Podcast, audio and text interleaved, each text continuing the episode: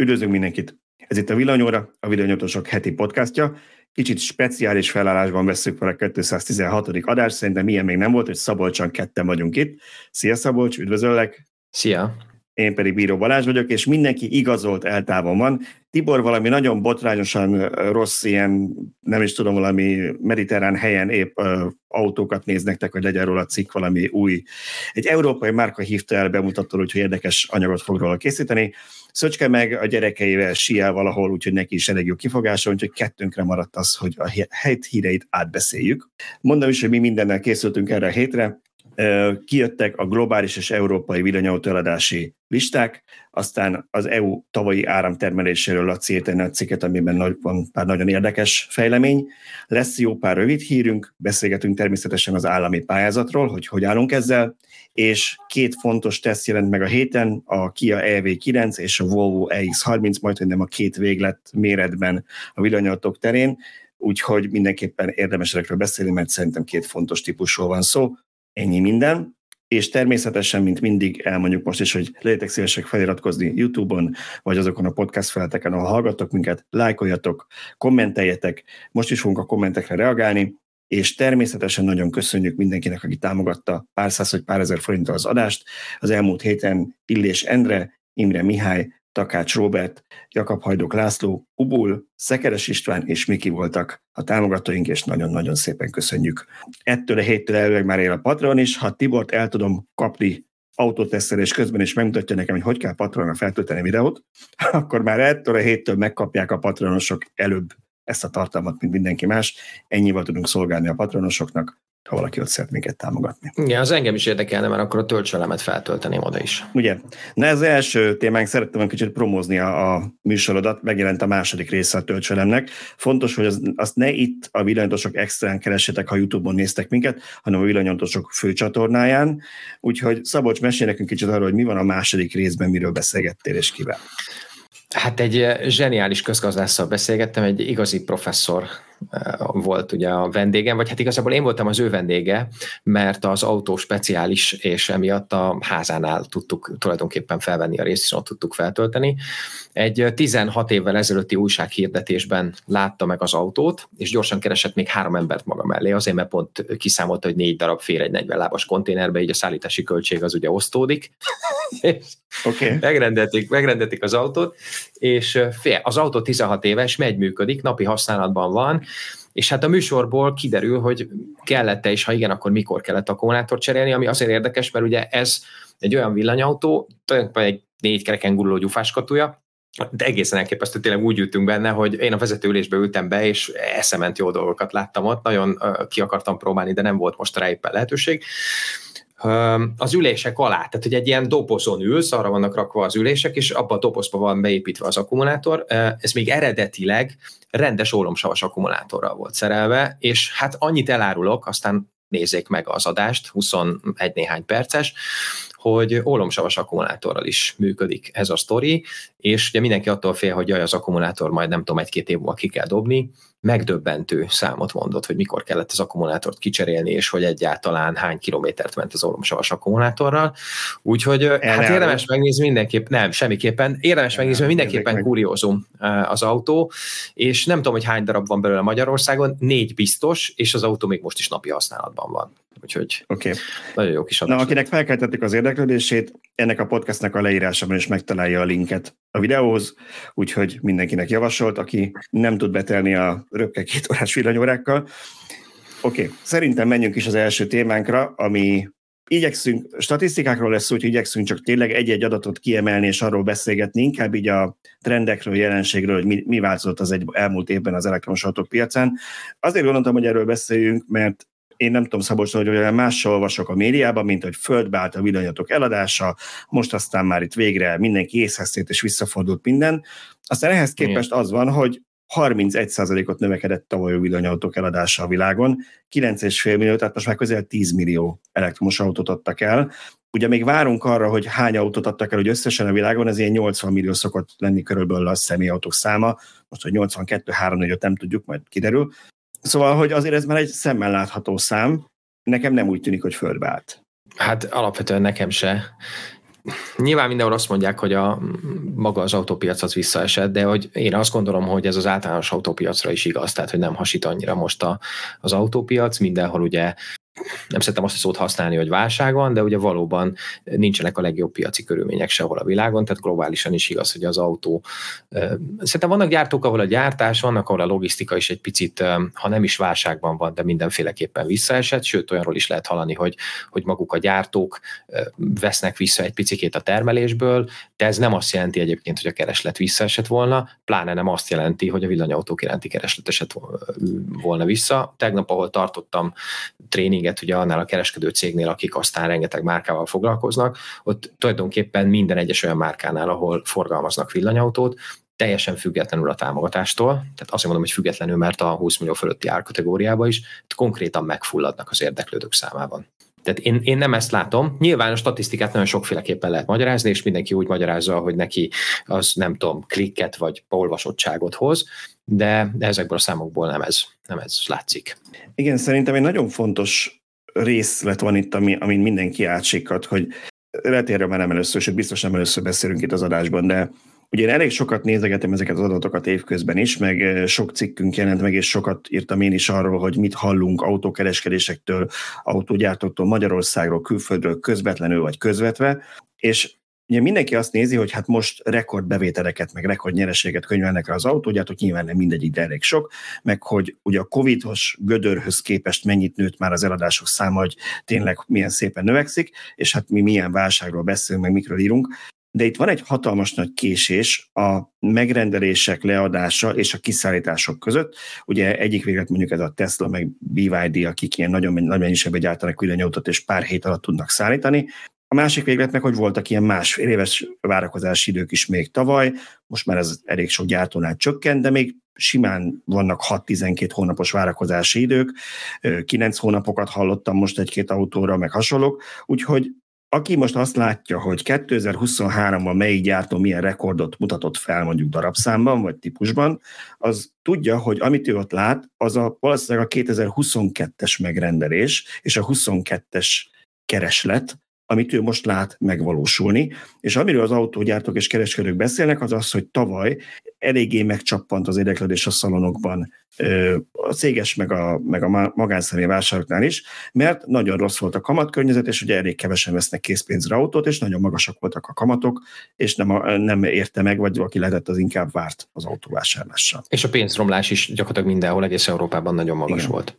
Igen. Tehát, hogy szerintem volt egy csomó, aki kitolta alapvetően a vásárlást, és ez ugye nagyon jól mutatja, nem, nyilván nem reprezentatív, de nagyon jól mutatja az is, amit ugye Szöcske összeállított, amiben amiben hogy a, ugye a támogatás kapcsán, amiben volt egy olyan kérdés is, hogy egyébként Igen, arra most vásároltál volna-e mm. autót. Igen. Tehát, hogy szerintem pont, pont a cégek azok, akik eléggé tudatosan és técióban gondolkodnak, ők meg tudják azt ítélni, hogy mi az, a, mi az az üzleti környezet, vagy gazdasági környezet, amiben nekik például megéri az autóbeszerzés. Ugye általában azért a, a cégek kettő és öt év között bárhogyan tudnak sakkozni azzal, hogy kitolják adott esetben az autóvásárlást, főleg ott, ahol flottavásárlások vannak, és simán lehet, hogy, hogy ők idén fognak megrendelni, de azt gondolom, hogy ezek a számok, ezek olyan nagy mértékben nem fogják cibálni a piacot. Tehát a 28%-os növekedés az, az szerintem nem visszaesés, és ilyenkor mindig az van, hogy szerintem egy kicsit hátrébb kell lépni. 31, meg, bocsánat, csak a rendkedvéért. 31, 31, bocsánat, pláne, akkor túl óvatos voltam. Szóval egy picit hátrébb lépsz, lépsz, vagy ahogy így divatosan mondják, helikopter view-ból nézed az adatokat, akkor ha 5 éves távlatot nézel, vagy 10 éves távlatot nézel, akkor viszont stabil a növekedés. Tehát, hogy gyakorlatilag mindig ugyanaz az arány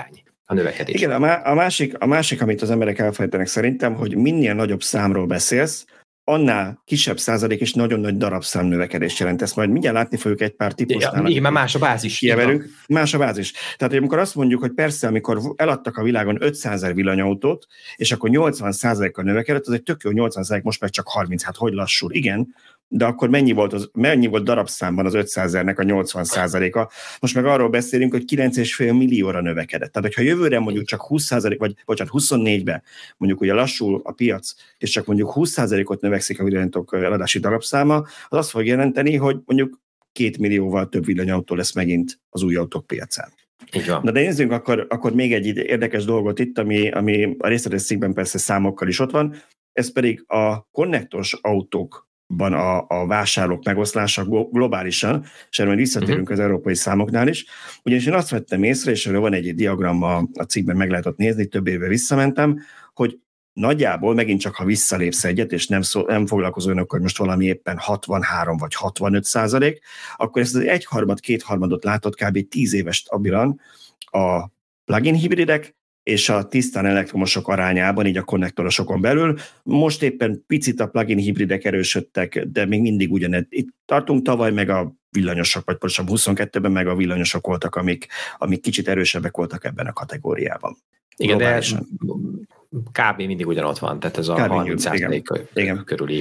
Na jó, nézzünk egy-két, nézzünk egy-két ö, ö, adatot így az európai ranglistáról, és aki ennél több érdekel, az majd megnézi a cikkben, mert ott még elemezve is van, meg lát több, több számot. Ö, talán senkit nem, meg, nem lep meg, hogy a két Tesla volt az első helyen globálisan, ö, ugye 1 millió 2 körül a Model Y, és most már 530 ezer körül a Model 3, sokan ugye azt várták, hogy a Model Y kivégzi a Model 3-at és kanibalizálja, meg elfogynak a, a vásárlók. Ehhez képest történetének legnagyobb beladási számát mutatta fel a Model 3. Hozzáteszem, hogy ez egy szedán, és mindenki SUV-kat vesz a piacon. Épp múltkor beszéltünk hogy most már az autóvásárlók fele 51%-a SUV-t vett a világpiacon, és talán még Elon Musk is annó azt mondta, amikor sokan nem hitték el neki, ugye megjelent a Model 3, nagyon nagy darabszámba vették, és ő azt merte mondani, hogy hát majd kétszer a y fogunk eladni, mint Model 3-at, és neki hülyének nézte, aztán kétszer y adnak el, mint Model 3-at. Hát igen, de ugye sokan meg azt mondták, hogy majd a Model 3 helyet fogják a, a Model Y választani, és, ez, és gyakorlatilag saját magát nyírja ki a Tesla, ugye igen. a szedán kategóriába, de közben meg nem ez lett.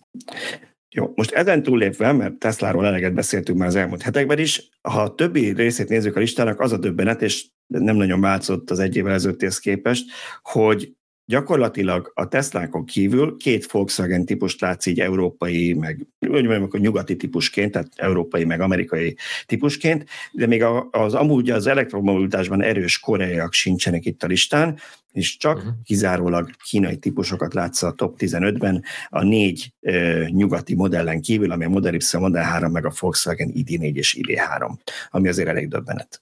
Igen, az a durva, uh, hogy a, a, a európai, európai modell gyakorlatilag nincs benne az első tízben.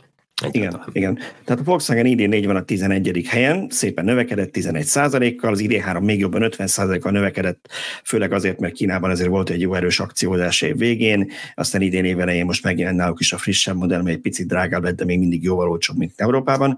De a lényeg az, hogy végre most már 140 ezeret eladtak abból is, de ezen a kettőn kívül csak kínai modelleket látsz, és természetesen legnagyobb darabszámban, legnagyobb mennyiségben, mert típusonként is a BYD-t, tehát a BYD Atto 3, ami nálunk is elérhető az a harmadik, aztán a BYD Dolphin szintén nálunk is megvásárolható, és további BYD modellek összesen, ha jól látom, 3, 4, 5, 6 BYD modell van a top 15-ben, ugye? Igen. Igen.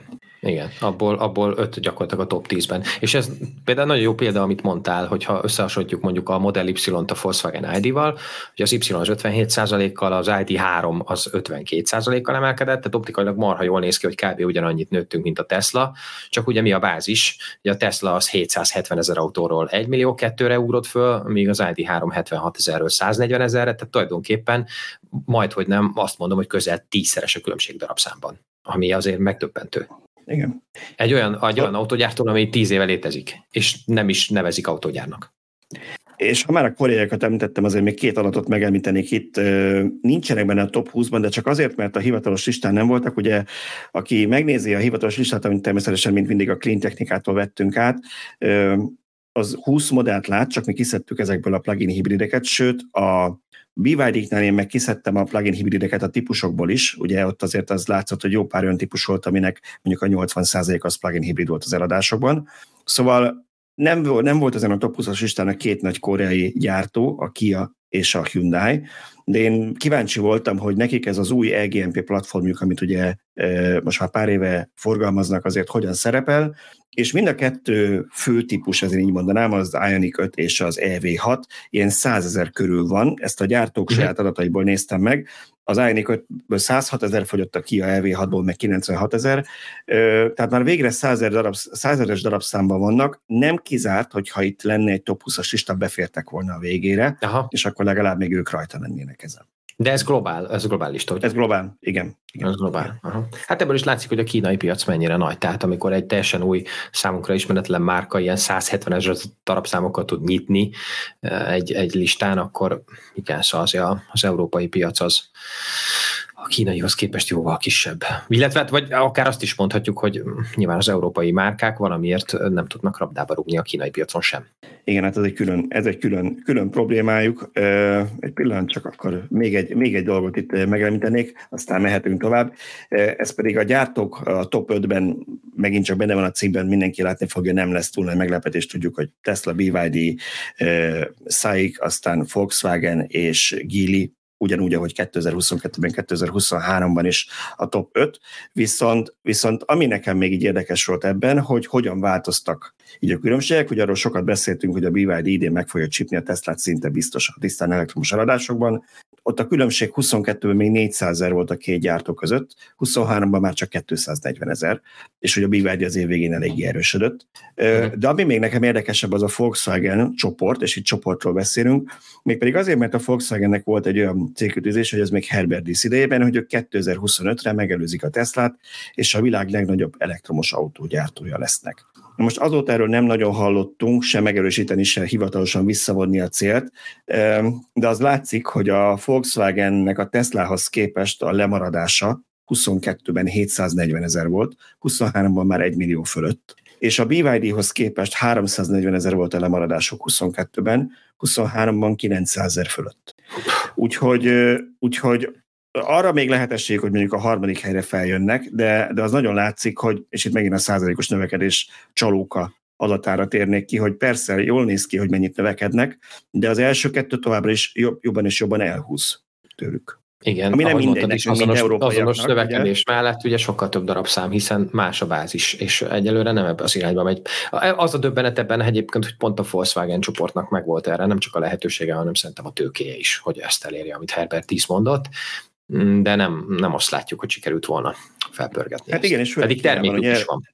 Amiről Igen. te is beszélt, hogy Kínában nagyon-nagyon alul, alul teljesítenek a Volkswagen csoportnak a, a villanyautó, úgyhogy ott kell mindenképpen valamit csinálniuk. Ugye most tavaly volt hírünk, hogy szövetségre léptek az Audi is, meg a Volkswagen is egy-egy helyi gyártóval, akik kifejlesztenek nekik gyorsan valami elektromos modellt, ami talán népszerű lesz, mint a sajátjuk, és a saját logóikkal fogják azt árulni. Nyilván ez meg kiderül, hogy csak az alapokat adják, vagy pontosan mennyi lesz benne a saját hozzáadott érték, de a lényeg az, hogy ebben van most valami reményük, mert ugye egy új, ha azt látják, hogy nem túl népszerű egy-egy típusot, több év stratégiát váltani, új típust fejleszteni, más irányba menni, úgyhogy nekik most egy elég gyors ö, megoldás kell ott, mert a nagy listán is, tehát a kínai autópiac listáján is már a Volkswagen megelőzte a BYD az eladásokban, nem a villanyautóknál, ugyan blokk. Uh-huh. Úgyhogy térjünk át akkor Európára, talán ez, ez egy picit még érdekesebb így a hallgatóknak. Európában tavaly első ízben most már több mint 2 millió elektromos, tisztán elektromos autót adtak el. Ugye az európai autópiac az tavaly 12,85 milliós volt, az is szépen növekedett, jön vissza a Covid előtti időkhöz képest nyilván még lejjebben, de ebből most már 2 millió volt a tisztán elektromos, ami majdnem 16%-os részesedést jelentett az elektromos autóknak. És szerintem mindjárt beszélünk típusokról, de én még a hajtásláncokról akartam egy kicsit beszélni, mert az érdekes még, hogy Abszolút. a tisztán belső égésűeknek az aránya első ízben leesett 50% alá, 47,6%-ra. Tudom, ez az azért is van, mert elég sok ilyen mált hibrid, meg hagyományos hibrid van, amit már nem oda számolunk, de azért valamit mégiscsak mutat, miközben, és ez egy eltérés a plugin hibridekhez képest, szerintem mindjárt lesz róla egy ábra és a YouTube-osoknak ne csak a mi arcunkat nézzék, egy pillanat, és mutatok valami, valami képet hozzá, ami izgalmasabb. Igen. Miközben azt látjuk, hogy ugye a világtrenddel szemben Európában a plugin hibridek népszerűsége csökken, nem a darabszám, hanem az arányuk. 9-ről már csak 7,7%-ra ment le a teljes piacon a plugin hibridek aránya, miközben 16 köré fölment a tisztán elektromos. Vagyis?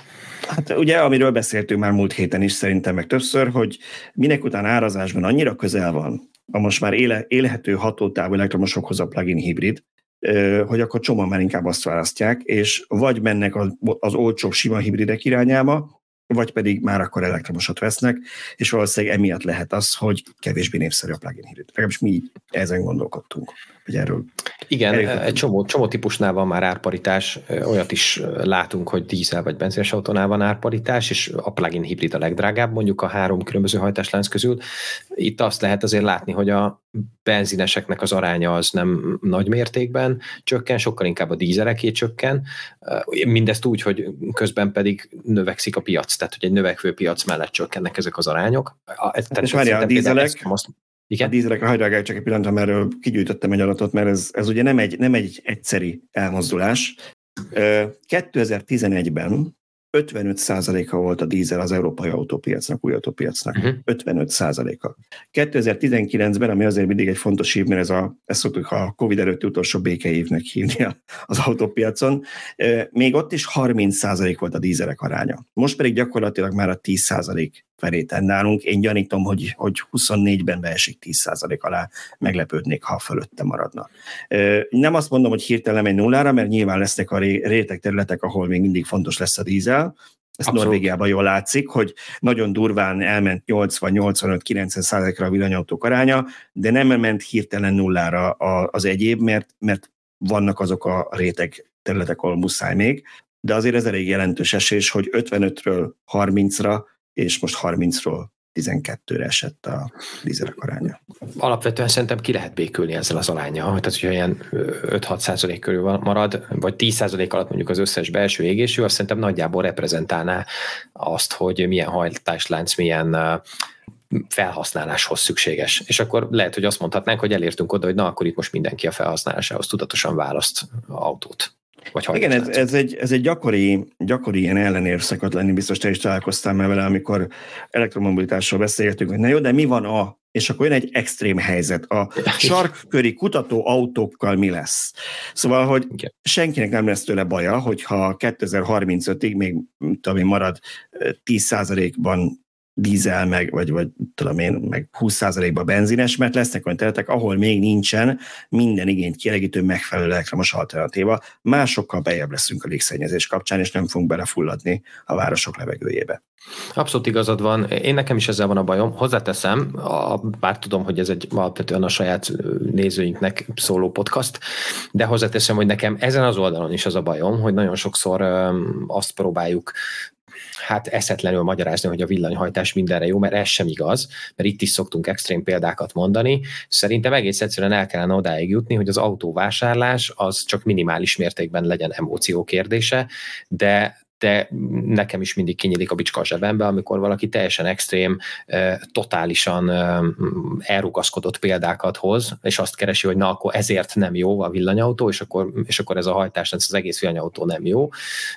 Csak egy példát mondok, nekem egy ismerősöm pont tegnap panaszkodta el, hogy éppen villanyautó szkeptikus lett, mert kiment egy külföldi útra, és béreltek nekik egy, egy angliai túrához egy Renault Zoe-t. Abszolút semmi bajom a Renault Zoe-val, de óriásit szívtak vele, egyszerűen azért, mert annak a hatótávja az köszönő viszonyban nem volt azzal az angliai túrával, amit nekik meg kellett csinálnia. Nem ez volt a probléma, hogy, hogy ők egy Renault Zoe-val csinálták meg ezt a túrát, hanem az volt a probléma, hogy ő úgy jött haza, hogy na, egy picit uh, szkeptikus lettem a villanyautókkal kapcsolatban. Most gondolj bele, hogyha ő ehhez a nagyjából 300-350 mérföldes úthoz egy megfelelő villanyautót kap, mert hogy szerintem most így hasból fel tudunk sorolni, nem tudom hány olyan típust, ami erre megfelelő, még akár úgy is, hogy egy töltéssel megfelelő, akkor valószínűleg nem így jön haza, és ez nem a Renault zoe a hibája, nem az egész elektromos hajtásláncnak a hibája, hanem kapott tipikusan egy nem megfelelő, nem megfelelően megválasztott autót ehhez a túrához, amivel óriási szívás volt, és az agya azt mondta, hogy hát ez az egész egy marha nagy baromság, és annak van igaza, aki, aki, aki azt mondja, hogy ez nem működőképes még, mert a technológia nem így tart. És szerintem pont ez is azt mutatja, hogy kell egy picike tudatosság, tehát rá kéne állni arra fejben, hogy a, és mert ugye eddig ez nem volt gond, tehát beletankoltam, tudom, 60 liter üzemanyagot, hurcibáltam magammal az energiatárolómat, és elfogadtam, hogy hetente egyszer vagy kétszer elmegyek a benzinkútra, most viszont már a vásárlás előtt meg kellene azt tervezni, hogy tulajdonképpen mire is használom az autót. Oké, okay, simán lehet, hogy tényleg elmegyek Horvátországba, oké, okay, de egy évben egyszer, meg akkor nem sietek, és mondjuk azt, hogy lehet, hogy valakinek ez némi kompromisszumot jelent, tehát annak, aki eddig dízel dízellel egyfenéken megcsinálta tényleg kompromisszumot jelent, de azt mondja, hogy igazából erre az egy hétre ezt a kompromisszumot be tudom vállalni, pont de akkor legalább ezt tudja. Viszont aki abból indul ki, hogy a hétköznapokban azért nem használható ez a hajtáslánc, mert hogy egyébként jaj, mi van akkor, ha, azt szerintem teljesen tévesen közelíti meg a, a, az autóvásárlást. Értem én, hogy a szabadságot szimbolizálja, és tök jó, ha ott áll a ház előtt, és akkor ha tényleg úgy alakul, akkor mehetünk vele eszkimót menteni, meg egyseggel meg tudjuk járni gyorsan Horvátországot oda-vissza, de mindannyian tudjuk, hogy az európai autóhasználóknak a 99,9%-a százaléka nem erre használja az autót. Igen, tehát ha a Facebook kommentekből indulnál ki, akkor azt gondolnád, hogy Magyarország lakosságának fele két naponta 1200 kilométert megy Németországba, oda-vissza, és nem áll meg egyszer sem, nem? Tehát Na de ez, de két... ez, igen, csak az a baj, hogy a dízel fogyasztásban, vagy a dízeladás adatokon nem ezt látod. Igen. Tehát, Tehát, akkor és semmi, semmi baj nincsen azzal, hogy ha valakinek tényleg olyan mondjuk a munkája, hogy ő rendszeresen Németországba Persze. jár ki, és úgy érzi, hogy neki nem fér az bele, hogy mondjuk egy 1200 kilométeres úton mondjuk háromszor, négyszer meg kell állni, mert ő nem szokott, vegyen benzinest. 2024-et írunk, ugye én többször hallottam ezt, hogy de hát most betiltották. Mit tiltottak be?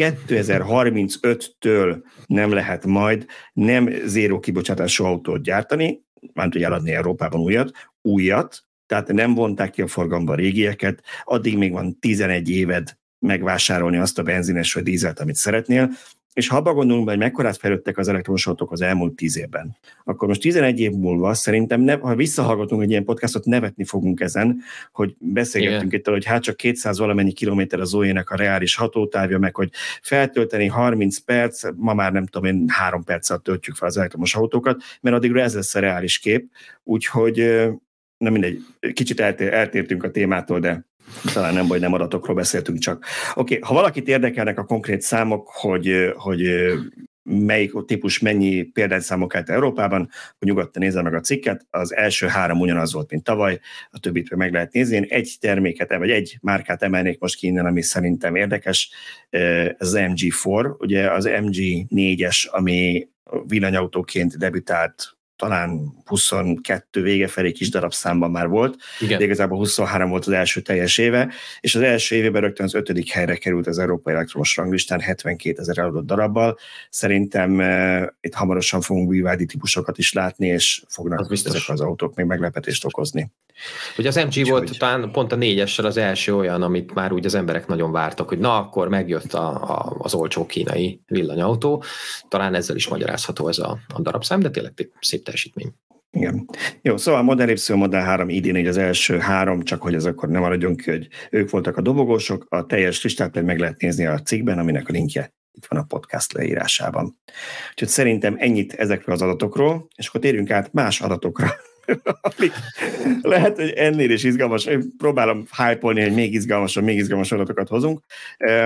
Lacinak volt egy nagyon érdekes cikke az európai áramtermelésről, és azért gondoltam, hogy erről beszélgessünk egy kicsit, mert Nyilván két okból. Egyik az, hogy persze szeretnénk, hogy minél zöldebb legyen az európai áramtermelés, de a másik, hogy az elektromos autók kapcsán is csomószor halljuk azt a kifogást, hogy majd ha, ugye, ez a majd ha 1200 km megy, ugyanígy, hogy majd ha 100% lesz a megújulók aránya, akkor lesz értelme, addig nem. És persze a hallgatóink tudják, hogy ez nem így van, mert már ma is egy elektromos autó a legmocskosabb lengyel szénerőművekkel táplált elektromos hálózatról is 50%-át bocsátja ki annak, amit egy ö, dízel vagy benzines Európában, tehát még az extrém helyzetben is, de mégis ez a kép él az emberekben, és én azt mondtam neked a felvételt, hogy én biztos, hogy benne, ha megkérdeznénk az utcán most valakit, hogy Európában hány százaléka volt az energiatermelésnek tavaly a megújulók. Azt mondaná, hogy hát 10, talán 20, ha úgy bátrabb lenne.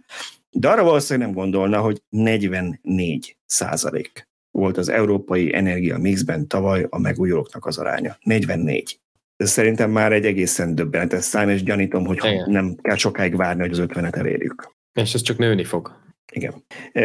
Szóval Lacinak volt erről egy részletes cikke, rengeteg száma adatta, én most csak pár dolgot hoztam ide, hogy, hogy tudjunk valamiről beszélni. Egyrészt jó hír, hogy a, az európai elektromos fogyasztás csökken. Tavaly is előtt is csökkent, meg tavaly is csökkent, mind a két évben ilyen 3% körül, most már uh-huh. tavaly 6,4%-kal csökkent a, a két évvel ezelőttihez képest, úgyhogy miközben azt látjuk, hogy Európa áll át, Nyugat-Európában főleg, de talán már Magyarországon is, aki új házat épít mindenképpen a hőszivattyús fűtésre, ugye Németországban is nagy programok vannak erre, hogy a gáz helyett hőszivattyúra térjenek át, ami nyilván megnöveli az elektromos fogyasztást, és azt látjuk, hogy ugye már két millió elektromos autót adtak el Európában csak tavaly. Na most ehhez képest csökken egyelőre az elektromos fogyasztása az uniónak, és nem növekszik. A másik meg az, hogy nyilván a megújulók aránya rendesen nő. Igen, hát ennyit arról, hogyha mindenkinek lecseréljük egyik platra a másikra az autóját elektromosra, akkor mindannyian meghalunk, mert összeomlik a villamos hálózat, és az csak az pont egyen rosszabb, mint hogyha az internet omlana össze. Egyébként igen. Egyébként akkor az internet is összeomlik, tehát az a, az a dupla, dupla cunami. Igen, még egy érdekes dolgot itt említenék így erről az arányról, hogy a fosszilis energiának az aránya ötödével csökkent, a széné pedig ezen belül, mert a szén, szén ugye azért emlék különösen odafigyelünk, nyilván a gáz sem túl jó, de azért a gáz még mindig a tisztábbak közül való a fossziliseken belül, de a széné is negyedével csökkent. És ugye mindig hozzák itt a német példát, hogy hát Németország, hát ezek a hülyék az atomerőműveket bekapcsolták, a szénerőműveket, Laci ezzel nem mindig tiltakozik, de nem csak a hasából beszél, mert itt vannak az adatok. Németországban 48 terawatt órával csökkent a a szén felhasználás az energiamixben tavaly. És ugye hozzá kell tenni, hogy azért 22 asszályosabb volt, meg 22-ben a tél is keményebb volt, mint 23-ban, szerintem ezt aki napelemes termelésnél az is, az is tudja, meglátja. És ugye 22-ben nagyon sok francia atomerőmű tudjuk, hogy karbantartás alatt volt, még Franciaországnak több energiát is kellett importálni, ami de 23-ra elkezdtek visszatérni, úgyhogy részben ez, ez is betudható ezekben a nagy átalakulásokban, de azt látjuk, hogy az atomenergia 23% volt tavaly, fosszilis a harmada, 32,7, és a többi az pedig vagy tradicionális megültetlen vízerőmű, meg ilyesmi, vagy nap és szél, ami majdnem 27% volt már nap és szélenergia tavaly Európában. Igen. Igen. Ami a legmegdöbbentőbb volt egyébként a Lacinak a cikkébe, az egy nagyon látványos grafikon, hogy az elmúlt 20 év alatt tulajdonképpen gyak, gyakorlatilag a felére csökkent le a, a a CO2 kibocsátás, mint nem a globális, vagy az átlagos CO2 kibocsátás, hanem, hanem az az érték, amennyi CO2-vel jár egy kilovattóra villamos energiának az előállítása. Én mondom is az adatot, hogyha valakinek kevés számot mondtunk volna még, és audióval hallgat minket, és szeret számokat hallgatni és megjegyezni, 20 éve 424 gram volt ez az érték per kilovattóra, tehát 424-ről esetleg 242-re, ugye ez igazából tényleg majdnem a fele. És ez egy, és ez egy folyamatosan gyorsuló trend, Igen. ráadásul. Ami Igen, azt jelenti, arról, hogy sokkal bocsánat, kevesebb CO2 kibocsátással jár ma az energiatermelés, és ez valószínűleg az energiamixel közvetlen összefüggésben van, mint mondjuk 5 éve, 10 éve, 15 vagy 20 éve, és ugye ez is egy, ez is egy folyamatosan följövő, följövő dolog, ugye, hogy, hogy előállítjuk, a, tehát hogy hogy tényleg ezt tüzelünk, azt tüzelünk, meg nem tudom, hozzuk a gáz, meg importáljuk, nem tudom, Lengyelországból a szén, és hogy ugye mindig egy ilyen általános tévhit, hogy a villanyautó sokkal-sokkal szennyezőbb, csak nem a városba szennyez, tehát ettől még megdöglünk. De pont ezek az adatok is azt mutatják, hogy ugyan nő az energiaigényünk, de összességében kevesebb légszennyezéssel jár ezt az energiát ma megtermelni és előállítani, és ez egy nagyon szép csökkenő trendet mutat. Igen, sőt, hát hogy az elmúlt két évben még csökkent is az energiaigény, bár nem vagyok meggyőző, nem vagyok meggyőződő, hogy ez tartós lesz. Ezt lehet, hogy Hosszú távon, igen, igen, igen. De, de igen. És lenne itt még egy dolog, ami magyar vonatkozású, amit úgy mondtam, hogy egy mondat elég azért emeljünk be ebbe a beszélgetésbe.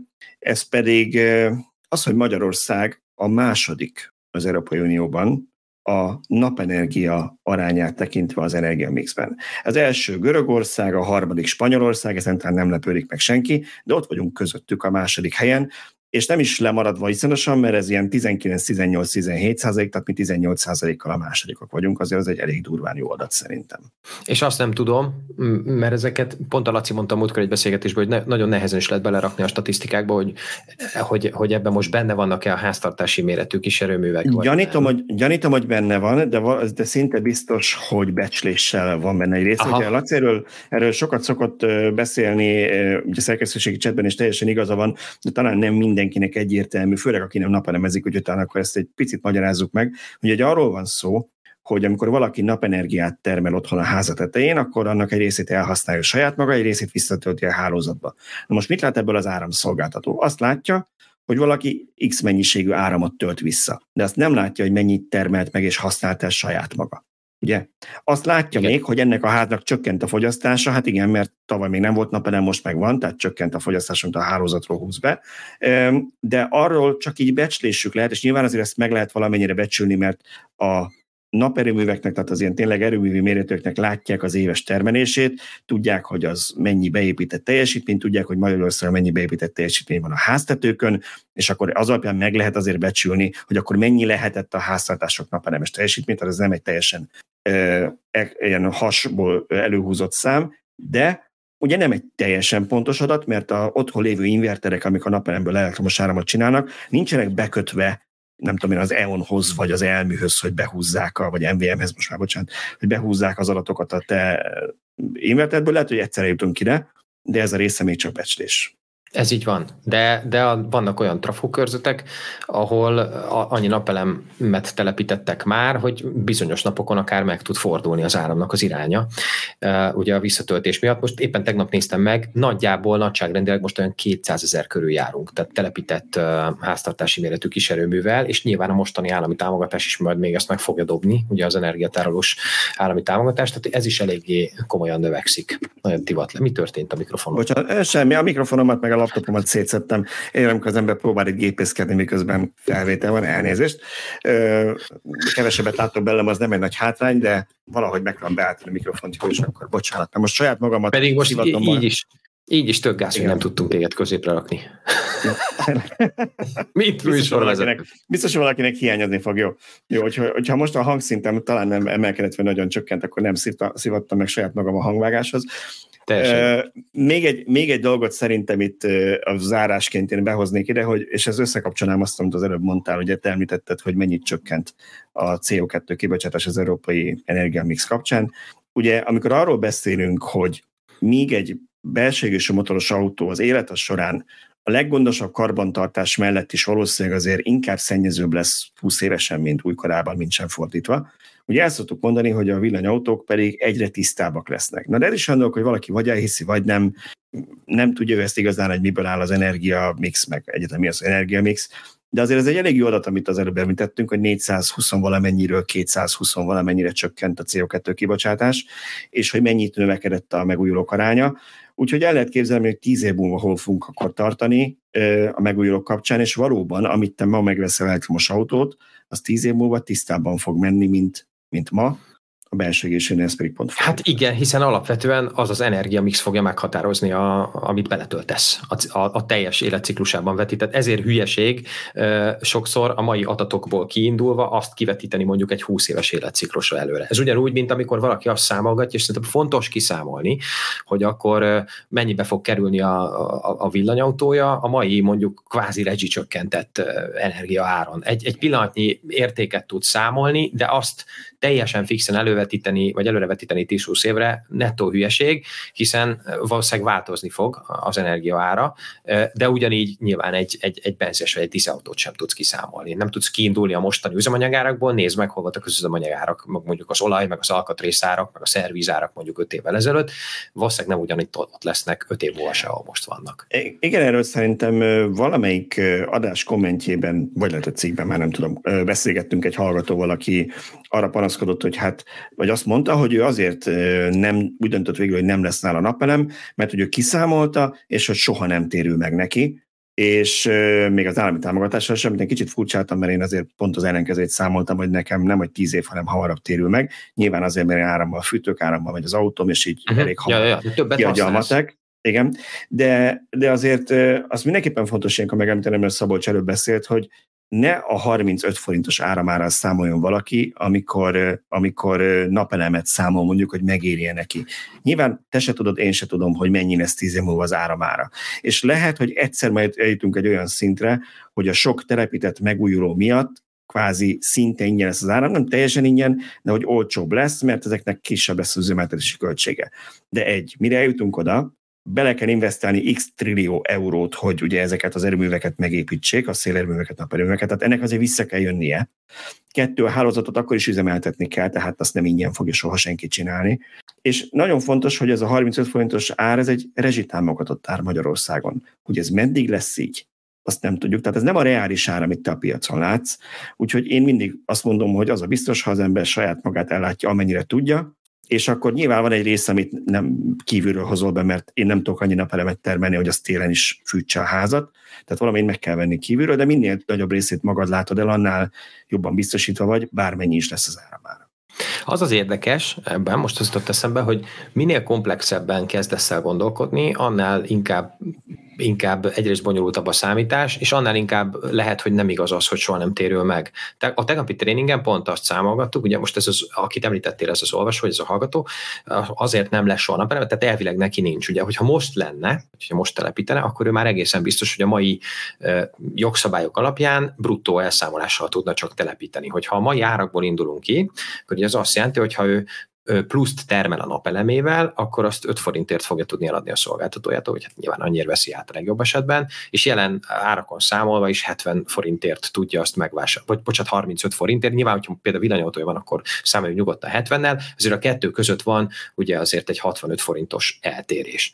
És azt is érdekes kiszámolni, én eljátszottam a múltkor a gondolattal, hogy kéne ebből egyébként egy cikk, hogyha például süt a nap, egy, látva a napsütéses órák számának a, az emelkedését akár a saját napelemes rendszeremen, konkrétan ki lehet számolni, hogy mondjuk március és október között, vagy március és november között, ha ha te otthon állsz, mondjuk hétvégén néhány órát, vagy napközben, mert mondjuk home office-ban dolgozol, de számtalanszor áll otthon az autó, akkor, amikor egyébként süt a nap.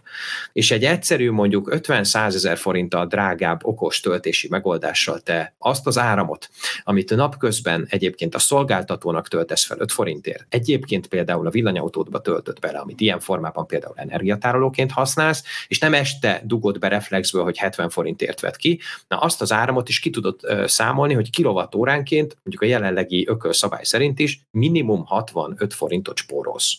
Most, hogyha veszel egy 50 kWh-órás akkumulátort, akkor ez azt jelenti, hogy ott azért már gyakorlatilag egy eléggé magas összeg jön ki akár egyetlen egy töltéssel, és hogyha itt több tízezer kilométert közlekedsz akár egy évben a villanyautóddal, és a töltéseidnek csak, csak egy 30-40 százaléka, ami otthon történik, tud például így történni, ott már teljes, ott sokkal bonyolultabb a megtérülésnek a kiszámolása, hiszen ott tényleg azt tudod mondani, hogy a, a közlekedésednek egy nagyon nagy százalékában tulajdonképpen ingyen árammal közlekedsz.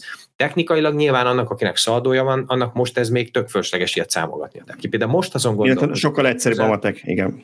Igen, de aki most azon gondolkozik, hogy egy közel 6 vagy 7 millió forintos rendszert állami támogatással mondjuk másfél-két millió forintért meg tud szerezni, ami ez ráadásul még energiatárolót is kap, és esetleg később abban gondolkodik, hogy mondjuk villanyautója van, vagy villanyautója lesz, akkor a megtérülésbe ezt is bele kell számolnia, hogyha okosan és tudatosan csinálja, akkor tulajdonképpen nagyon nagy százalékban tud azzal az árammal közlekedni, amit a saját napeleme megtermel, és tökre nem mindegy, hogy, hogy ezt ténylegesen az autójába tölti bele, vagy a hálózatból 70 forintért veszi vissza. Tehát ott kilovattóránként 65 forintot spórolni, az már azért egy látható összeg, mondjuk egy éves 20-30 ezer kilométer alatt. Igen, én egyébként úgy számoltam, hogy nagyjából ilyen 6 év alatt térül meg nekem a napelemes beruházás, viszont ugye... Hát és az 30 évig rendszer.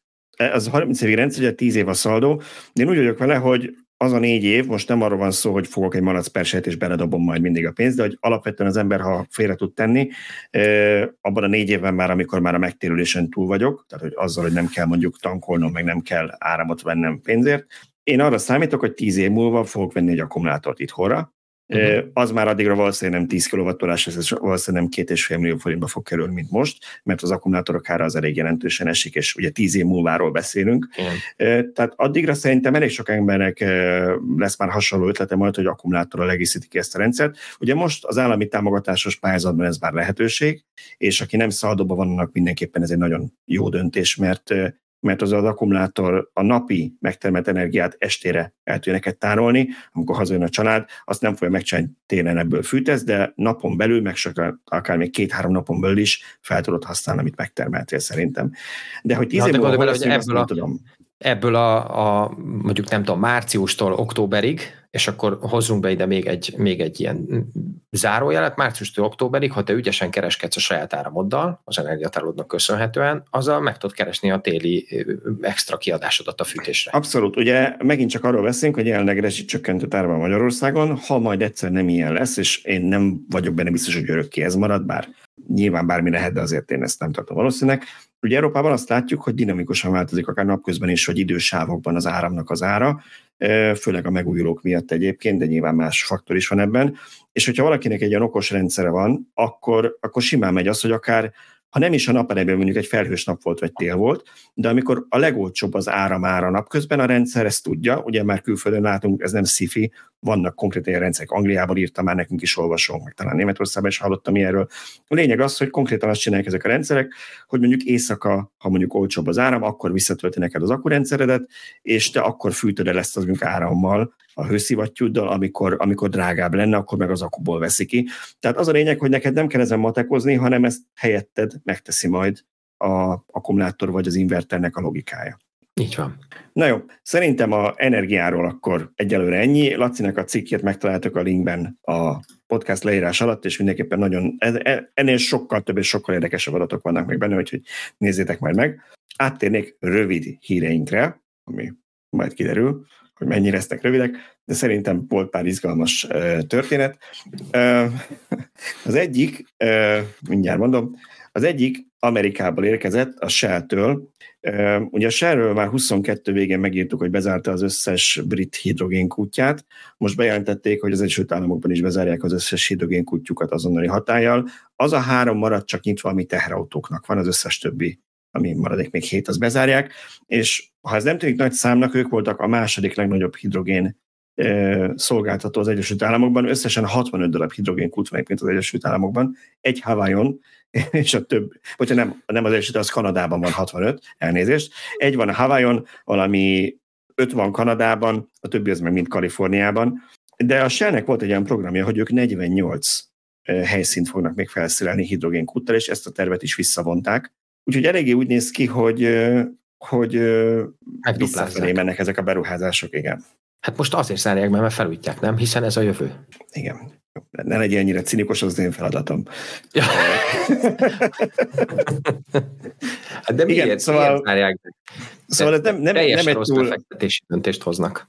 Igen, nem, nem egy túl ilyen booming üzleti modellnek néz ki, főleg, hogy egy elég nagy olajcégről van szó, a világ legnagyobbjáról, amelyik nyilván tudja, hogy meg lenne is tőkéje befektetni előre, de valahogy a személyszállításon úgy látom, hogy ők is letettek, még ugye a teherjárműveknek ezt nyitvathatják azt a párkutat.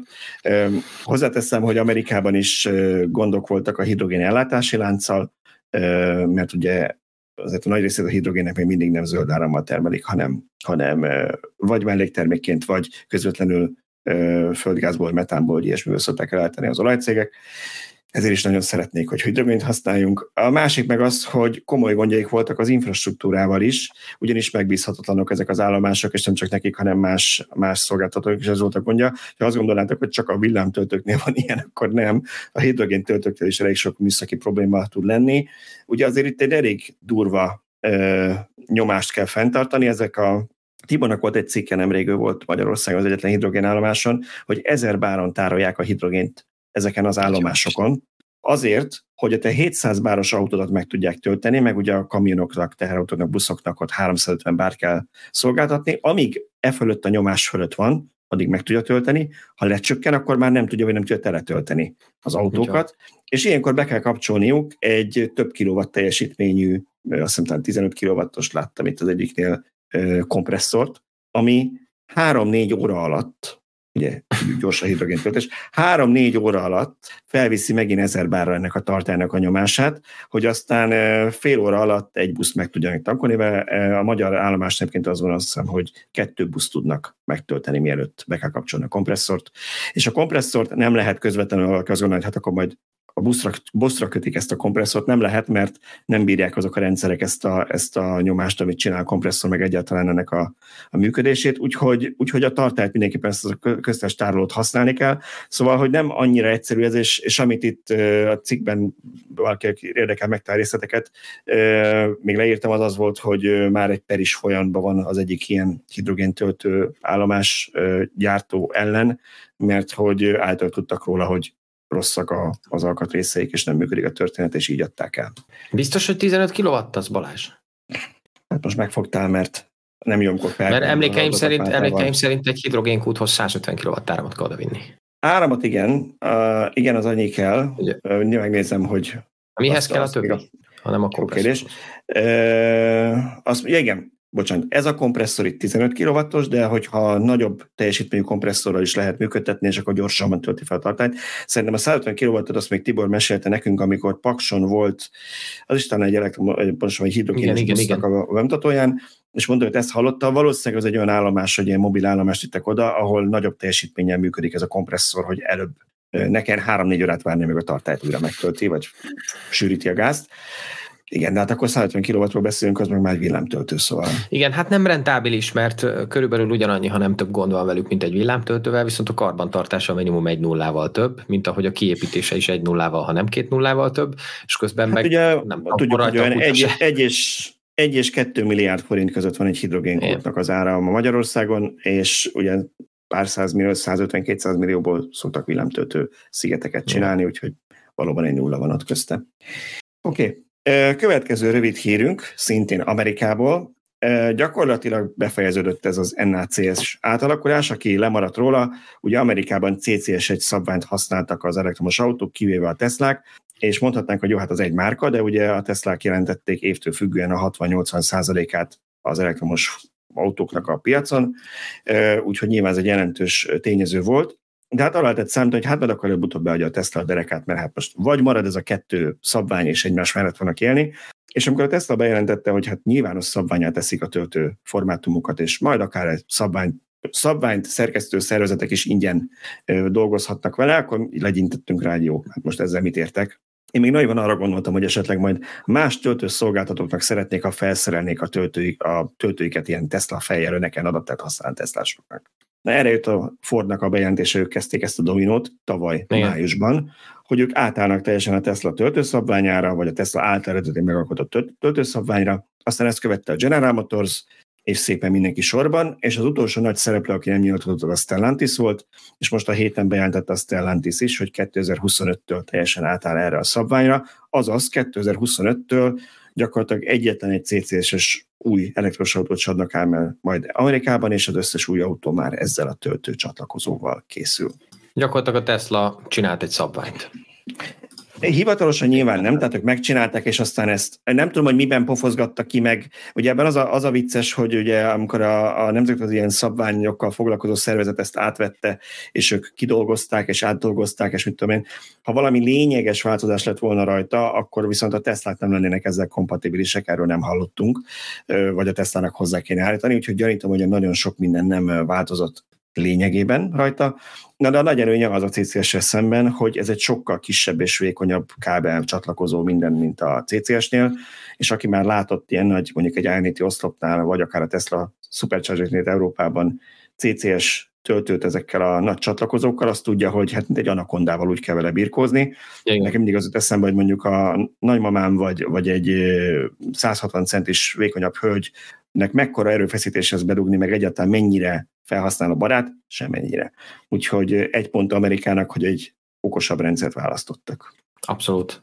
Oké, okay. harmadik rövid hírünk, ez már hazai vonatkozású, bejelentette a Stellantis azt, azt is, hogy a Szentgottheli gyárban, ami, ami az Opel gyár volt, talán mindenki emlékszik, hogy itt kezdték az Astrát gyártani annó, most már jó idejét motorokat gyártanak, meg tárgyidőben váltókat is gyártottak, ha jól emlékszem, elkezdenek villanymotorokat gyártani, ami mindenképpen nagyon fontos hír szerintem, mert ez hosszú távon biztosíthatja a Szentgotthárdi gyárnak a jövőjét. Ráadásul tudom, hogy fejlesztő központot is hoznak ide, tehát nem csak Igen. gyártósor lesz.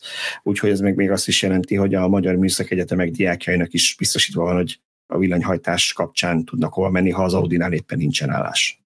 Igen, szerintem az utóbbi igazán jó hír. Ugye mindig azon szoktunk sírni sokszor mi is, hogyha ezt szabad így mondani, hogy tök jó, hogy ilyen-olyan összeszerelő üzemeket idehoznak, sokszor a, a piszkosabb üzemeket hozzák ide, de hogy valójában az igazi érték az, amikor egy hatalmas nagy cég, egy globális vállalat a fejlesztő központját tartja itt.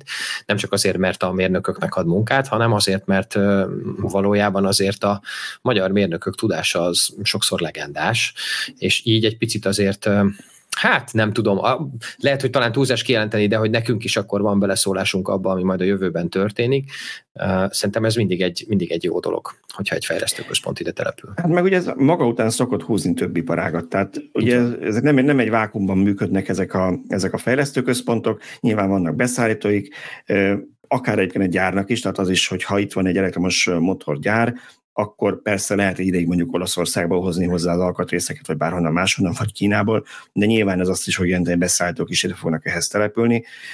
Ugye az Audi gyár kapcsán szoktuk egy ezt elmondani, dolog, hogy ott mennyien dolgoznak, de hogy az egész régióban, még a szlovák oldalon is ez mekkora fejlődést hozott, azért az nem semmi, és hogy ezért ilyen nagy a jelentősége ezeknek az üzemeknek. Még arra is pozitív hatással lehet, hogy, hogy az, aki esetleg egy ilyen fejlesztő központban, de külföldön képzelte el a jövőjét, az mondjuk itthon marad.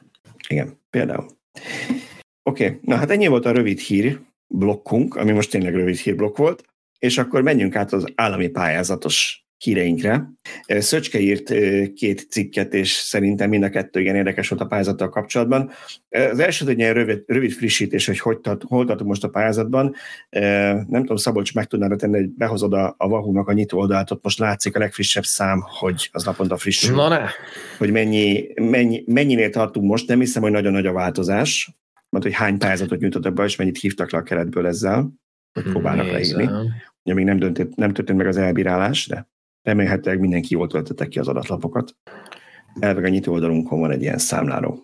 Ugye 30 milliárd forint volt a keret, és hát, hogy ez hány autóra elég, az attól is függ, hogy melyik vállalkozó mennyi autóra pályázik, mert ugye nem. Benyújtott pályázatok száma 1531, felhasznált keret jelen pillanatban 7,427 milliárd forint, a szabad keret jelen pillanatban 22,5 milliárd forint fölött van. Tökéletes, köszönöm szépen. Ez alátámasztja, ami üzenet akart lenni, hogy van még a keretből, tehát aki úgy gondolta, hogy majd elfogy első nap, és neki nem is érdemes, az mindenképpen ö, fontolja ezt meg újra, mert akár 4 millió forintot is kaphat.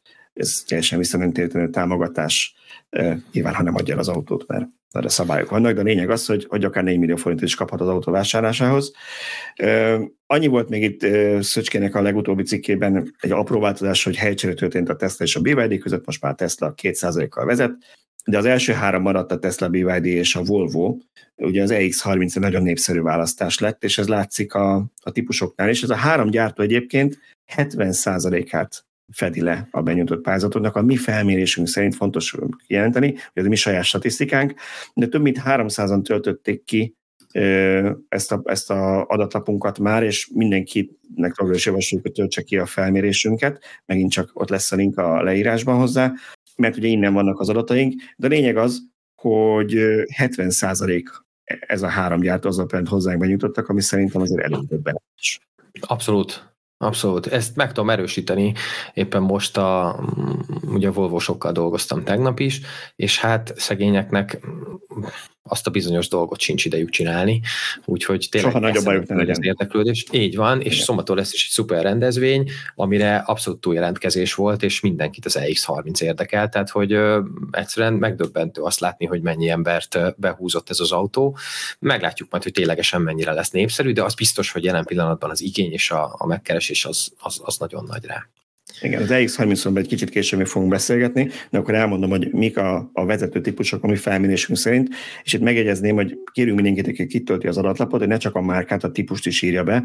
Nagyon sokan Igen. csak márkát írnak, úgyhogy nem biztos, hogy teljes a listánk, de azt látjuk, hogy Model Y, Volvo X30, két BYD, az Atto 3 és a Dolphin, és a Tesla Model 3, ez a top 5 talán nem annyira meglepő, de azért, hogy rögtön a startnál ennyire jól szerepelnek a BYD modellek, az, az egy jelzésértékű lehet szerintem a többi importőrnek, mert egy kicsit úgy éreztem, hogy mindenki ugye ezt bealudta, hogy hát fenyegettek ezek a kínai, de hát látjuk, hát 23-ban még, hát alig adtak el pár ezer vagy tízezer autót itt Európában, nem lesz ebből végül is semmi, nekem nem úgy tűnik.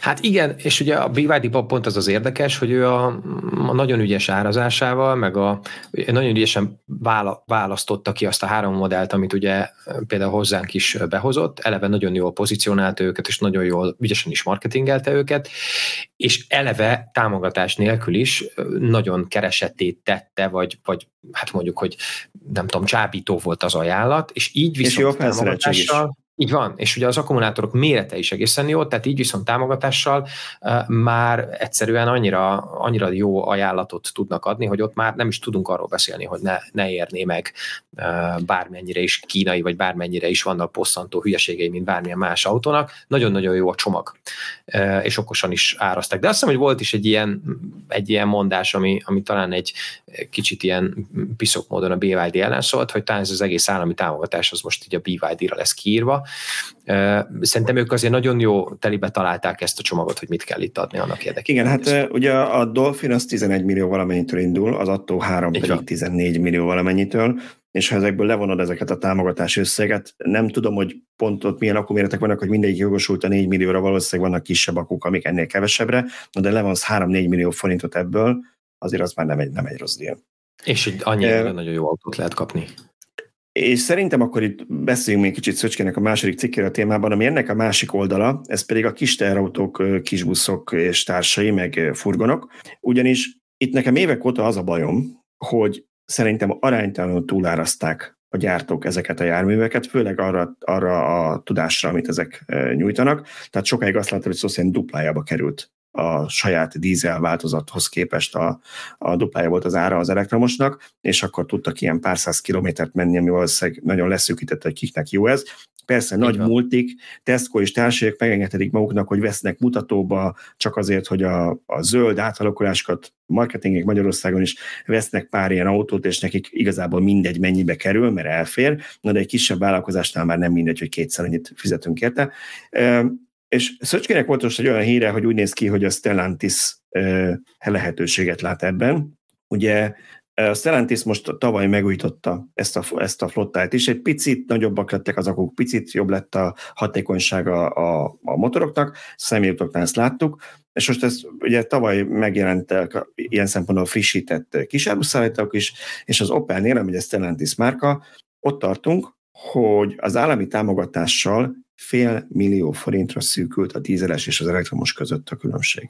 500 Hát és az, igen, és az, az gyakorlatilag egy tehát, hogy az nem különbség, hiszen... Egy hónap alatt megtérül a fogyasztásban szerintem. A, igen, és a pont valamikor, nem is tudom, két vagy három évvel ezelőtt volt egy cikkünk arról, talán két éve, mert azt még, még, még azt hiszem, hogy én írtam, amikor az akkori üzemanyag árak és az akkori elektromos furgon árak mellett is azt néztük, hogy ha valaki ezt 3-4-5 évig megtartja, akkor éves szinten 25%-kal jobban jön ki most gondolj bele, hogy ahhoz képest mennyit estek ezeknek a furgonoknak a, az árai, és közben mennyit nőtt a, az üzemeltetésnek a, az ára, tehát hogyha itt teljes TCO-t nézel, akkor ez már ott megint azt mondom, hogy jó csomag, annak ellenére is, hogy itt még nagyon-nagyon korlátos valóban, hiszen uh, tényleg két-háromszáz kilométerekről beszélünk, amit ezek meg tudnak tenni, viszont ezt meg tudják tenni megrakodva.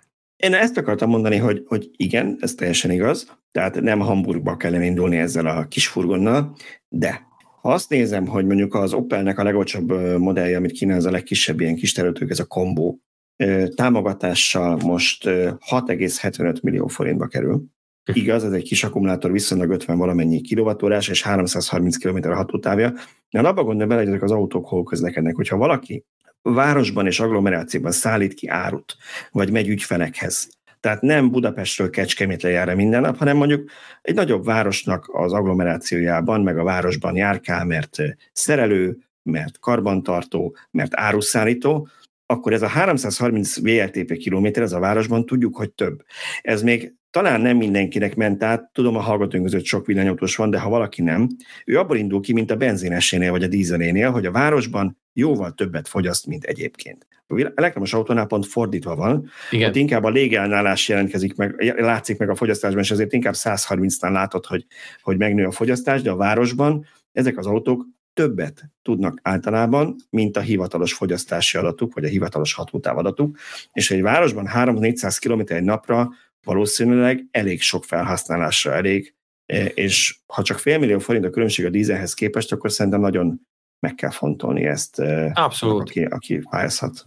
Most volt szerencsém az egyik kedves hallgatónk jó voltából egy hétvégére tesztelni egy Citroen edge és ők például nagyon sokat számolgattak, hogy megérik-e neki megvenni, vagy nem, mert egy, ők, ők terítenek, kerékpár alkatrészeket terítenek egyébként mm. ezzel a szintén kombóval, és hát ezért nekik muszáj alapvetően autóúton és picit autópályán közlekedni, ez a max 110-es tempóig, normál autópályán nem mennek, csak ilyen M4-es, meg tehát olyan autóutakon, ahol 110-es van megrakodva, és tudnak a telephelyen tölteni, és hát rettenetesen bejött nekik, a most két éves az autó, és én is kipróbáltam, autópályán mentem vele masszívan, igaz üresen, műterhelés volt benne, hogy ne nagyon pattogjon a hátulja, és hát tulajdonképpen mínusz 5 fokban zokszó nélkül megcsináltam vele 200 kilométert, úgy, hogy ezt az autót még csak nem is lehet előfűteni, mert nincs hozzá megfelelő applikáció, csak úgy lehet előfűteni, hogy így kicsit becsapva az autót, így kimész, beindítod, vagy bekapcsolod egészen pontosan, és akkor valamicskét ott fűt rajta,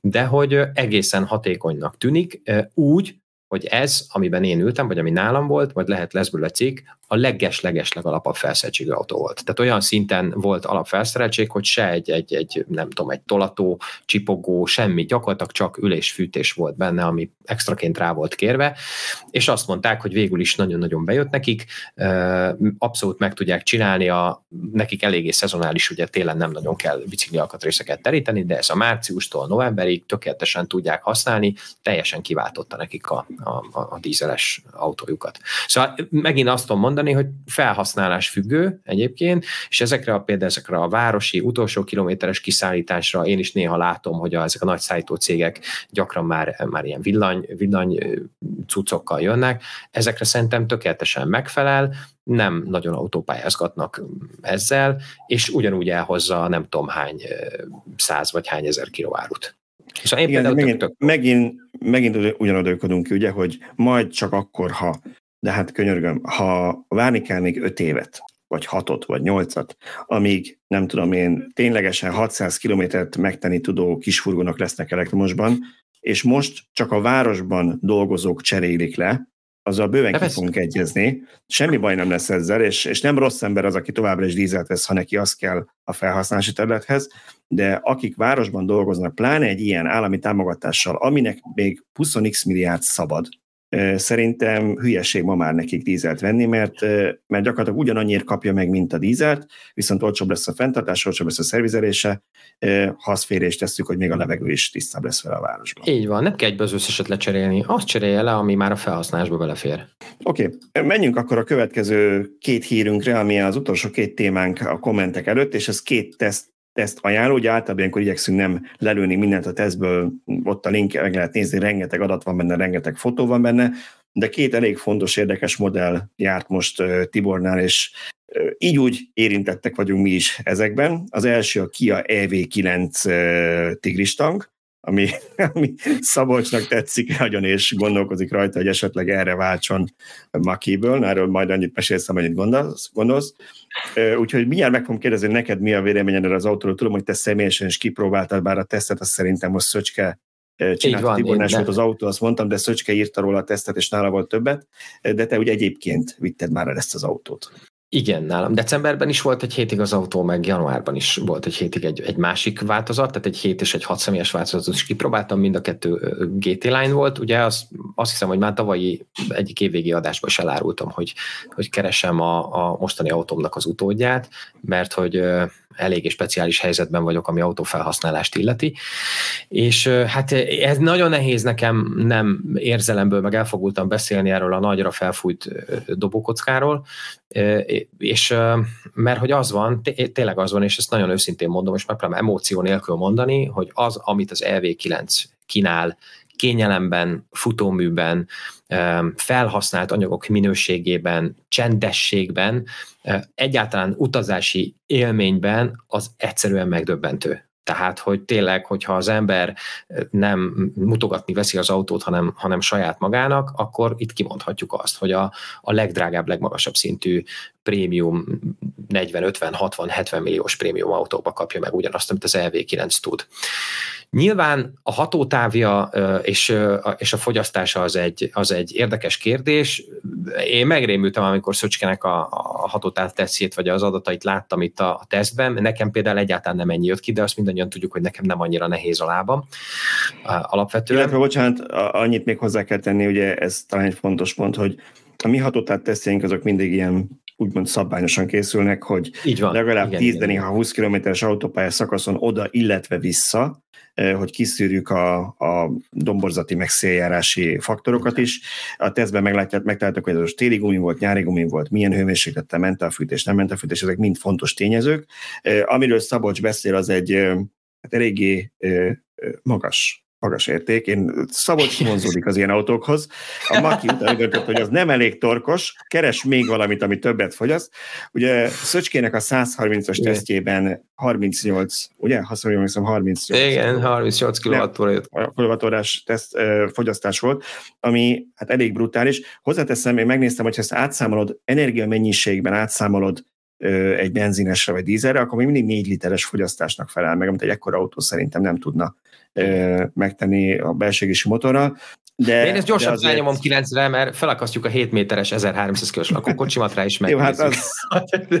akkor az, úgy az durva lesz. E, igazából, igaz, igazából ez annyiban csak hogy perspektívába helyezzük, ez annyival azért számít rossz fogyasztásnak, mert a saját tesztjeink, mert az ilyen méretű BMW, illetve Mercedes, amik szintén nem a a kevés fogyasztású híresek, olyan 25%-kal kevesebbet fogyaszt, 25%-kal többet fogyaszt az EV9. Na, na, az biztos, hogy ilyen méretű?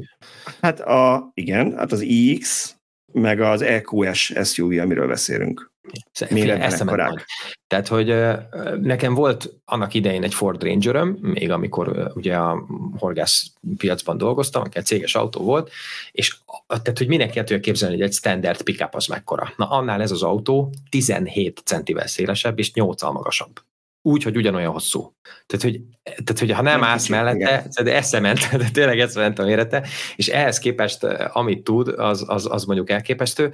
Uh, nyilván uh, a Szöcske cikke nagyon jó volt, tehát meg nagyon-nagyon informatív volt. Én egy néhány dolgot még beleírtam volna uh, a cikkbe, inkább ezt mondom el, ami a, ami a cikkből kimaradt tökéletesen jól működik a sétáltató funkciója. Nyilván az ember nem a Tesco parkolóba fog szórakozni azzal, hogy kiszáll. Várjál, meséld, meséld, el, meséld el, hogy micsoda a sétáltató funkció. Hát az az, hogy, hogy tulajdonképpen az autó az annyira széles, de tényleg annyira széles, hogyha egy normál méretű parkolóhelyre te beállsz mondjuk az Osan parkolójába, ez nálam elő is fordult, ahol ráadásul az egyik oldalon volt az, az a tároló, tudod, amiben a kocsik, kocsik vannak, akkor ez azt jelenti, hogy ha melléd egy másik teljesen hétköznapi méretű SUV beáll, akkor egyáltalán nem biztos, hogy te ide be tudsz szállni, sőt meg se tudod közelíteni az ajtót. Tehát, hogy tényleg annyira széles a, a, az autó, de semmi gond, mert hogy előveszed a, a gyárilag hozzájáró okoskulcsát, megnyomsz két gombot, az autó automatikusan bekapcsol, és az a level gyakorlatilag hármas szintű, vagy akár négyesnek is mondható vezetés támogató rendszer, ami ebben benne van, minden további nélkül a saját 360 fokos kamerájával szépen kimegy oda mellé, ahol ki tudod nyitni az autót, be tudsz állni, és jó napot megy tovább. És ezt meg csinálni visszafelé is, bármilyen parkolási helyzetben. Én kipróbáltam, a feleségem az, az, az konkrétan frászt kapott, hogy azt mondta, hogy ő ezt nem csinálja, de beállt az autó, simán kulcsal távirányítva egy akkora helyre párhuzamosan, hogy még arra is, ahova egyébként én az óriási rutinommal nem mertem volna megpróbálni, az autó zokszó nélkül beállt, és még arra is figyelt, hogy matta pontosan, de centire pontosan ugyanannyi hely maradt elő és hátul, és ez a hely, ez írd és mond, ez nem volt több, se elő, se hátul 30 centinél több. És az autó beparkolt. Tehát, hogy eszement, hogy milyen technika van benne, és tényleg lehet, lehet vele játszani, az új lenyomat azonosítástól kezdve csomó olyan kényelmi funkció, a, a V2L kívül belül, a 220 volt, tehát, hogy például arra én nem gondoltam volna, hogy pont kimegyek egy erdőbe, és az akkumulátoros szerszámaimat kell tölteni, és jaj, azért nem merült le egyébként az akkumulátoros rendszerésemet, de jó, itt van egy LV9, és akkor egy v erről egyébként ezt végan tudtam tölteni. Szóval, hogy nekem is ugye olyan típusú, több típusú felhasználásra van szükségem, amit ez az autó egyébként nyújt. Ez a csomagtér, amit most itt látunk, ez több mint három köbméter, Tehát, hogy, tényleg, tényleg mondjuk, mondhatjuk azt, hogy ilyen univerzális felhasználásra a, a személyautók legmagasabb szintű kényelmével ellátva, ezért a csomagért azt gondolom, hogy nem veszélyes a, a 38 kWh fogyasztás. Jegyzem meg, 130-al autópályán, ami megint csak nem feltétlenül a hétköznapi felhasználás. Mondom ezt úgy, én, hogy én aztán tényleg az esetek 70%-ában autópályázom, hiszen ugye trénerként járok a különböző cégekhez minden nap, de azért osztottam, szoroztam, kiszámogattam, és ez még mindig elég. Még nekem is, pedig én megyek 30-40 ezer kilométert egy évben az autóval. Úgyhogy kíváncsi vagyok, közben... nem tudom, hogy össze fog-e jönni. Közben gyorsan megnéztem, hogy nem mondtam, nem mondtam hülyeséget, a, a Mercedes EQS SUV még 10 centivel hosszabb, és a BMW X meg 5 centivel rövidebb, de nagyjából ugyanakkor autókról beszélünk. Tehát de magasságra? Képest, magasságra is ez? Magasságra is szerintem ugyanezek, most azt már Aha. bezártam, nem mondom meg neked. A lényeg az, igazából itt várjál, mindjárt mondom, mert egyik még nyitva van, három centivel magasabb, mint a Merci. Tehát ez egy picit laposabb, de azért mondjuk három centi nem akkora különbség.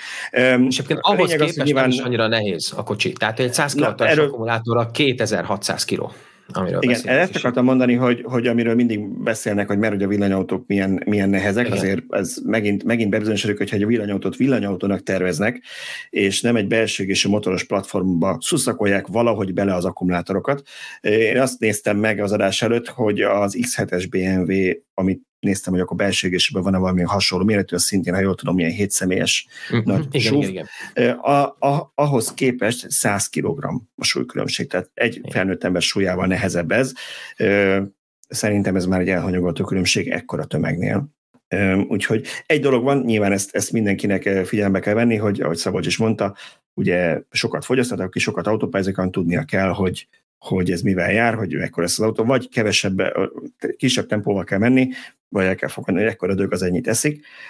Bjornak volt egy 1000 kilométeres tesztje mindenki Bjornának most ezzel az autóval, és például az e Mercedes EQS SUV-hez képest, ami ugye mondom, annál ez 25%-kal többet fogyaszt, csak 20 perc volt a különbség. 1000 hát igen, mert ugye ez egy borzasztóan gyorsan töltő autó, tehát azt nem fejtsük igen, el, hogy ez pont, viszonylag, pont viszonylag lapos a töltési görbeje olvastam, hogy a, a jaj, hát hogy ez egy prémium autós, az LV6-hoz képest mégis mennyivel lassabban tölt. Hát igen, persze, mert az LV6 az 18 percet föltölt, ez meg 25, csak ugye ott beszélünk egy 60 vagy 64 kWh akkumulátorról, itt meg egy közel 100 kWh akkumulátorról, akkor most melyik tölt gyorsabban? Hát a töltési görbéje döbbenet, mindenki nézze meg nyugodtan a Szöcske cikkét, és ugye azt nézzük, hogy egyébként a, a Kia eh, most uh, ugye ad hozzá még egy egészen komoly Premium Ionity előfizetést, egy azt hiszem 50 ezer kilométernyi csomaggal, és nagyon gyorsan tölthető, akkor az azt jelenti gyakorlatilag, hogy az első, mit tudom én, öt éved alatt, standard felhasználás mellett, ha évente kétszer elmész nyaralni, akkor is tulajdonképpen a hosszú távú utazással a fogyasztás ellenére kényelmesen megvagy. Tehát ez abszolút egy, abszolút egy jó csomagnak tartom, és külön örülök, hogy Szöcske írta a hivatalos tesztet, mert ugye ő száz gyerekkel ki tudta próbálni. És azért ez tényleg, tényleg teljes értékű hétszemélyes autó. Igen, egy, egy dologra azért még oda kell figyelni, hogy én Björn tesztjében azt láttam, hogy ennek is megvan az a betegség, ami az EV6-nál is előfordul, hogy nem mindig fűti az akkumulátort, ha töltőhöz mész.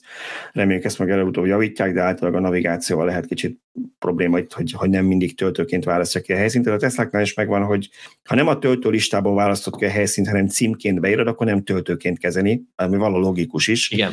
Tehát oda kell figyelni, hogy ha egy kúthoz navigálsz, akkor vagy Ionity töltőhöz, akkor az elnitét a töltők között találd meg, és a töltőként választad ki, ne pedig csak címként, hogy ez egy elnitét. Hát, vagy hogyha valaki mondjuk ugye CarPlay-jel, vagy, vagy Android autóval közlekedik, akkor pedig, akkor pedig tudatosnak kell lenni abban, hogy akár az applikáción keresztül, vagy menet közben az autó keresztül be lehet kapcsolni manuálisan is. A, Igen, és még, még egy dolog van, ami az autópályázók figyelmében szintén Björn tesztjében láttam, hogy ö, úgy néz ki, hogy a villámtöltés után kicsit túl tud melegedni az akkumulátorra, és olyankor elvesz a teljesítményből, de hát remélhetőleg ezt is szoftveresen majd javítják, úgyhogy azért ezek viszonylag korai típusok egy, egy éve kezdték árulni az autót, közel egy éve, tavaly márciusban. Oké, okay. Na, van még egy tesztünk, amiről beszélni akartunk, még egy fontos autó, amiről ma már szó volt, és szerintem sokakat érdekel, ez a Volvo EX30, amiben én voltam, vagy vagyok olyan szinten érintett, az egyik legjobb barátom egy ilyen autót vesz, szintén az állami pályázat kapcsán, és, és ezért elég sokat beszélgettem az autóról vele kapcsolatban, meg Tiborral is, meg, meg konfigurálgattunk, meg minden, úgyhogy eléggé benne voltam ebben a típusban. Én kezdeném nagyon sok, szerintem ennek az autónak van száz jó tulajdonsága, ami, amit a cikkben is megtaláltok meg, amiről mindjárt beszélünk. Én kezdeném számomra a negatívumokkal, ami elsősorban az ára, meglepő módon. Inkább azt mondom, hogy az ár felszereltség arány, ugyanis amikor bejelentették ezt az autót, én nagyon lelkes voltam, mert 14 millió valamennyitől 14-5-től indul. Igen. Mondom, hát az ennyire szenzációs lesz. Aztán persze kiderült, hogy oké, okay, eh, igen, az a kisebbik akkumulátorral van, ami, ami 40, azt hiszem 41-2 nettóban kilovattóra, tehát ez tényleg egy pici akkumulátor, egy, egy ilyen Kona méretű 4,2 méteres autóhoz. Ugye ott is volt ilyen, tehát ezt tudjuk, hogy a koreaiak is ugyanekkor akkumulátor mérettel, 39-essel árulták azokat a kocsikat, vagy hasonlóval. A nagyobbik akkumulátorra viszont nem olyan nagyon nagy a felár, csak, csak 2 millió forint, az idézősen vegyem nélkül csak ott, az 16,5 millió forint. Na de azt tűnt nekem fel, amikor a barátom elkezdtük konfigurálgatni, hogy az lett a vége a szörnek, hogy a legmagasabb felszereltséggel vette ő is, mert annyira alap dolgok nincsenek benne, és nem választható még az alapszinthez, meg a közepeshez se, hogy mondok valamit, ez nem egy létszőségre, de mondjuk az elektromos ülésállítás, ami mondjuk a profilok szempontjából nem mindegy, vagy a tükörállítás, vagy a memóriával össze megjegyezze, az például a legmagasabb szintben van csak benne. Hőszivattyú a elvileg a lista szerint a legmagasabban van, de neki a közepeshez is felajánlotta a kereskedést, tehát ez lehet, hogy már csak az, nem az alap, alapban nincsen csak benne a de hogy mire összeraksz, tényleg, tehát ne flancos dolgokra gondoltok, nem, nem tudom, masszás fotelt rendelt bele, meg ilyesmi, tehát nem is lehet, hanem, hanem tényleg csak ilyen alap-alap dolgokat rakott még bele, hogy legyen benne ülésfűtés, kormányfűtés. A vége az lett úgy jön ki a legjobban, hogyha a drágább felszereltséget veszi, ami már ilyen 19 millió valamennyire jön ki bruttó árban, és az még nem a teteje, mert lehet még, a, lehet még az erősebb motorral, a négy kerékhajtással venni, ami 20 millió fölött van. Szóval nagyon hamar, nagyon drága lesz az autó, és annyiért szerintem már túl drága. Azért döntött a barátom is végül sem mellett, és ez egy nagyon fontos szempont, hogy ugye ő is nézegette a Model Y-t, neki az nem fér be a garázsba. Befér, 20 centi maradna az ajtót kinyitni. Nem sokkal keskeny az autó, de itt már 30 valamennyi marad, és a garázsba csak úgy fért volna be az Y neki, hogy, hogy épp hogy nem veri oda az orrát a, a garázsajtóval, amikor lecsukja. Szóval, hogy a méret számít a villanyautónál is. Garázspróba. Ö, ja.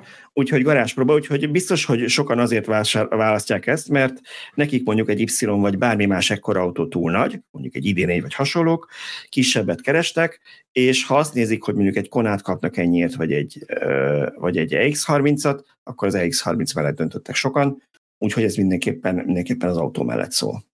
Hát mondok még egyet, ami, ami, ami van egy csomó olyan ember, aki ugye hátrányként említi azt, hogy miért nem lehet az autókat 22 kW-tal acén tölteni. Hát én ezt a mai napig egyébként nem értem, de el tudom fogadni. Én négy olyan autóról tudok, de aztán majd javíts ki, mert lehet, hogy több van, amiben van ez az opció, és hát ez az egyik. Tehát, hogy nekem Igen, ez opcionálisan meg lehet, meg lehet venni. Hogy a legmagasabb felszereltséghez te rendelhetsz 22 kW-os fedélzeti töltőt. Én még ezt mindig a mai napig nem értem, hogy ennek mi értelme Igen. van, de azt tudom, hogy ehhez a Nissan Ariához lehet, és akkor ezen kívül van még az OE meg a Taycan, de hogyha valakinek például ez a perverziója, akkor ehhez például lehet 22 kW. Majd kapsz, kapsz azért a hallgatóintól, van pár nagyon lelkes a 22 kW-os töltésnek. Én azt szoktam mondani, hogy szerintem az AC töltésnek vagy töltésnek, hogy gyors töltésnek lassú, és ezért én nem fizetnék felárat az autó, ha benne hát van. lassú töltésnek meg gyors. De gyors, lassú töltésnek meg gyors, igen. Tehát, hogy alapvetően, ha én mondjuk beállok egy közért parkolójába, akkor ott, akkor ott vagyok 20 percet, arra, arra kevés a 22, arra jobb lenne egy 50-es DC is akár. Hogyha valahol ott hagyom egy áruházban, mert mozizok, és három óra múlva megyek vissza a kocsihoz, akkor meg tök felesleges 22-es AC-vel töltenem. Mindegy, nyilván rendelhető pluszba, egy Na de ez a jó, tehát hogy opcióként el tudom fogadni, tehát nem a 22 kW fedélzeti töltőben a bajom, nekem azzal van a bajom, Milyenek felára hogy van. feleslegesen sokan... megdrágítaná, hogyha mindegyes autóba ezt beszerelnék, úgy, hogy Igen. egyébként ez megint egy tipikus extrém példa bizonyos felhasználásra. Ez a pont Igen, akkor érek az nem a pont nullával, és pont egy óra múlva megint hatottávon kívül kell mennem, és akkor de hát akkor meg megállok pár percre egy, nem tudom, egy ionity nem? Igen. Szóval sokan, sokan ezt nem tudják, hogy ugye hibásan fali töltőnek nevezzük a fali töltőket például, amik nem töltők. Nem töltő, csak a tölt, a, igen, a töltő az autóban van. Ha valaki villámtöltő, tehát DC töltőt használhat, a töltő tényleg a töltőben van. Az szépen, hogyha bedugod ja. mondjuk az ionit vagy bármi más a kocsiba, akkor az megkerüli a fedélzeti töltét az autónak, és közvetlen az akkumulátor táplálja ezzel az iszonyat teljesítmény mondjuk az ionetiknél. De minden más esetben, ha AC-t töltesz, tehát otthon töltesz, vagy ilyen utcai AC töltőt használsz, azoknál az autódban van a töltő, és ennek ára van. És nagyon-nagyon meg tudod drágítani az autódat, hogyha te mondjuk 7 kW-os helyett 11-eset vagy 22-eset kérsz, úgyhogy nyilván ki kell számolni, hogy megérje valakinek, lehet, hogy olyan felhasználási forma van, hogy megéri, de nem biztos, hogy mindenkinek meg fogja érni. Abszolút. Tehát felesleges beletenni az, az összes autóba csak azért, mert néhány usernek ez kell. Ez tök jó, hogy ebben opcióként elérhető. Lehet, hogy ez is egy selling point a Volvo részéről. Még egy pár pár dolgot akkor itt az autóról szerintem érdemes elmondani, plusz-minusz kategóriában, még a minusznál ott van az előbb mondtuk pluszba a méretét, meg hogy az, meg a pluszba azt mondtuk, hogy most ugye rendelhető az 22-es AC. A negatívum, hogy nem lehet megváltoztatni, a hátsó lábtér, az nagyon szűk, ezt a barátom is megőstette, élőben megnézte az autót, beült, és tényleg borzasztóan kicsi a hátsó lábtér, úgyhogy erre mindenképpen tudnia kell annak, aki, aki ezt választja. Hozzáteszem, én nevettem rajta, hogy Viszonylag kicsi a csomagtartó, azt hiszem 318 milyen liter, de az előbb említett LV9 nekem egy batár nagy autó, hogyha mind a három ülés sora fel van hajtva, akkor 330 valamennyi liter a hátsó csomagtartó, annyi marad az ülések mögött, tehát akkor kb. annyi, mint ennek az autónak. Na most tehát innentől kezdve még eldöntő, hogy kicsi vagy nagy ez a csomagtartó. Yeah. Még viszont, ha az LV9 párhuzamot idehozzuk, akkor a fogyasztásáról beszélnünk kell, ugyanis 130-nál ez az autó 27,7-et eszik. Majdnem azt mondtam, hogy nem korrekt ezt a kettőt összehasonlítani, de ahhoz képest, hogy ez az autó mekkora, meg az mekkora, Igen. ahhoz ez a 27, 27 ez a 27 hét az, az botrányosan sok. Tehát, hogy ennél a Maki is kevesebbet teszik, pedig az is egy volt, zabagép. Igen, ugye sokan, érdekes módon sokan, sok embertől hallottam, csak a barátom hogy az Y-nal méregették össze, hogy, hogy ez jóval kisebb, vagy mondjuk 50 centivel kisebb, mint az, vagy mondjuk a hasonló méretkülönbség van két kocsi között. Ugye az Y egy nagyobb autó, és én teszteltem nem ezt, hanem még az előző kisakos változatát, aminek kapacitása ugye ekkora, tehát tömege is kb. ugyanakkora. Igaz, az nyáron volt, de 10 fokban, tehát nem, nem 30 fokban, tehát nyári gumi, nem, bocsánat, nem nyáron volt, de nyári gumi volt, meg a kocsin ősszel volt. Az 21,4-et evett 10 fokban, ez most a Tibornál ilyen 2-3 fok körül gondolom, amikor tesztelte, nem tudom mennyi volt, már nem emlékszem, de hogy valami most a napokban tesztelte, 27 hét volt a fogyasztása, az szerintem döbbenetesen nagy. Ez azt jelenti, csak hogyha valaki az akkuméretek között gondolkodik, hogyha valaki rendszeresen autópályázik, és ő fixen 130-szal megy, ami nyilván nem így szokott lenni, persze, akkor a kisakussal 176 km, a nagyakussal 230 a hatótáv. Tehát én nagyon nagy hív vagyok az RFP akkumulátoroknak, aki tudja, hogy milyen autóm van, tudja, hogy nekem is RFP akkumulátorom van, de ennél az autónál mégis a nagyobb akut ajánlanám annak, aki nem csak kizárólag agglomerációból bejárásra vagy városba használja, mert szerintem itt, itt ekkora fogyasztásnál túl kicsi az a 40-es akku. Igen. Úgyhogy vegyétek a nagyobbat, az a két millió forint szerintem meg fogja érni. Viszont nagyon jó a töltési görbe, ezt még akartam mondani, 28 perc alatt tudtuk a tesztünkön feltölteni 10-80 százalékra. Én azt szoktam mondani, hogy 30 perc alatt az a teljesen korrekt, ma elvárható színvonal. Hát, töltésnél a 20 perc körül szoktak lenni a rekorderek, mint az EV6, meg a kisakus Y is ilyen 19 perc körül van állítólag most az új akúval, de, de 30 perc alatt ö, szerintem abszolút, abszolút jó egy gyors pisi szünetnek. Igen, hát és ugye az autópályázáshoz még azért annyit hozzátennék, amit itt mondtál, mert ugye te azt hiszem 100%-kal számoltad ki ezt a fogyasztást, uh-huh. hogy itt is bebizonyosodik az, hogy 80% fölött már nem érdemes gyors tölteni, hiszen ugye mondjuk körülbelül 28 perc alatt föltöltött 10-ről 80-ra, viszont 80-ról 90-re a következő 10%-hoz már, már 12 perc kell. Tehát még azt is azért vegyük hozzá, hogy, hogyha 80%-kal indulok tovább, és 10 akarok odaérni, akkor még annyit sem lehet vele megtenni 130 mint amennyit te mondtál, tehát mindenképp a nagyakus javasolt, még a két millió felállás ellenére, és akkor itt jön ki egy picikét ez a hátránya, hogy szerintem sokaknak lehet egy pici, minimálisan rossz a szájíze, hogy arra számítottak, hogy itt 14-15, esetleg 16 millió már egy nagyon-nagyon felextrázott autót kapnak, ami nem igaz. Ettől még persze ez egy csábító ajánlat, és, és az is lehet, hogy nagyon-nagyon kell kelendő lesz, mert egyébként meg nagyon jó minőségű az autó. Biztosan nagyon kelendő lesz, ezt már most látjuk a, az érdeklődés kapcsán. És egyébként nem, nyilván, tehát van, minden autónak van negatívumai, mondom, elolvashatok a cikket, száz pozitívumot találtok még benne. Például Tibor kiemelte, hogy nagyon tetszett neki az androidos operációs rendszeren alapuló fedélzeti infotainment rendszer, és ezt innen üzenném mindenkinek, aki ezt így leszokta, csak, csak legyint rá egyet, hogy hát jó, az nek, őket, őt nem érdekli, mert nem az a lényeg, hanem, hanem milyen vezetni, meg milyen, milyen használni. Ezek persze nagyon fontos dolgok.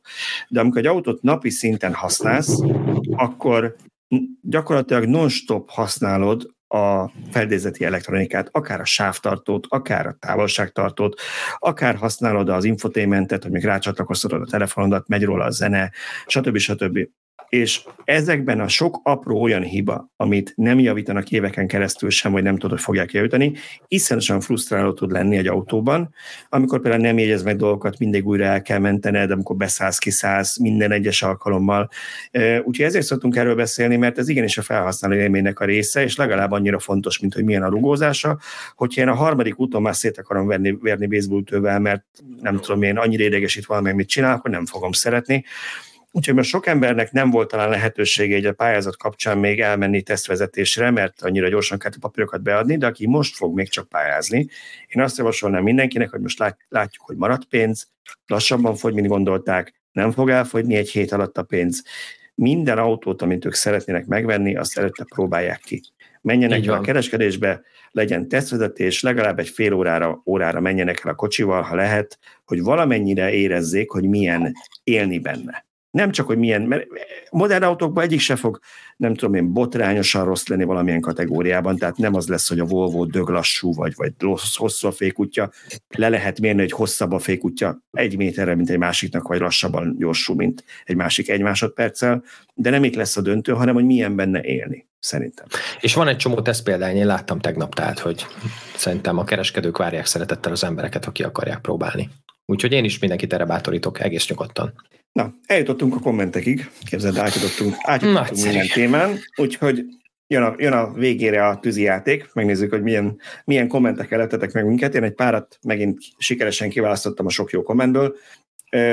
Valaki a pályázat kapcsán írta nekünk, hogy ő azért nem pályázott konkrétan Teslára, mert nem, szerette, nem szeretett volna most autót, és hogy nagyon frusztrálta az, hogy a Tesla-nak a nyilatkozat az aksira nem pontos, ugye még a módosítottban is csak az szerepel, hogy nagyobb, mint 59 kWh, és hát ugye elvileg azt mondta a minisztérium, hogy ezt már elfogadják, de attól félt, hogy mi van, ha ezt végül alaki hibára fogják venni, és, és ezért visszadobják a pályázatot, ami egy valójában jogos, jogos félelem, mert ugye be kellett volna a Teslának, hogy pontosan mennyi az akkumulátornak a mérete, a minisztérium elvileg azt mondta, hogy el fogják fogadni ezt a nagyobb, mint 59-et, de én megértem, hogyha valaki nek nem volt. Nem merte bevállalni ezt a kockázatot. Igen. Aha.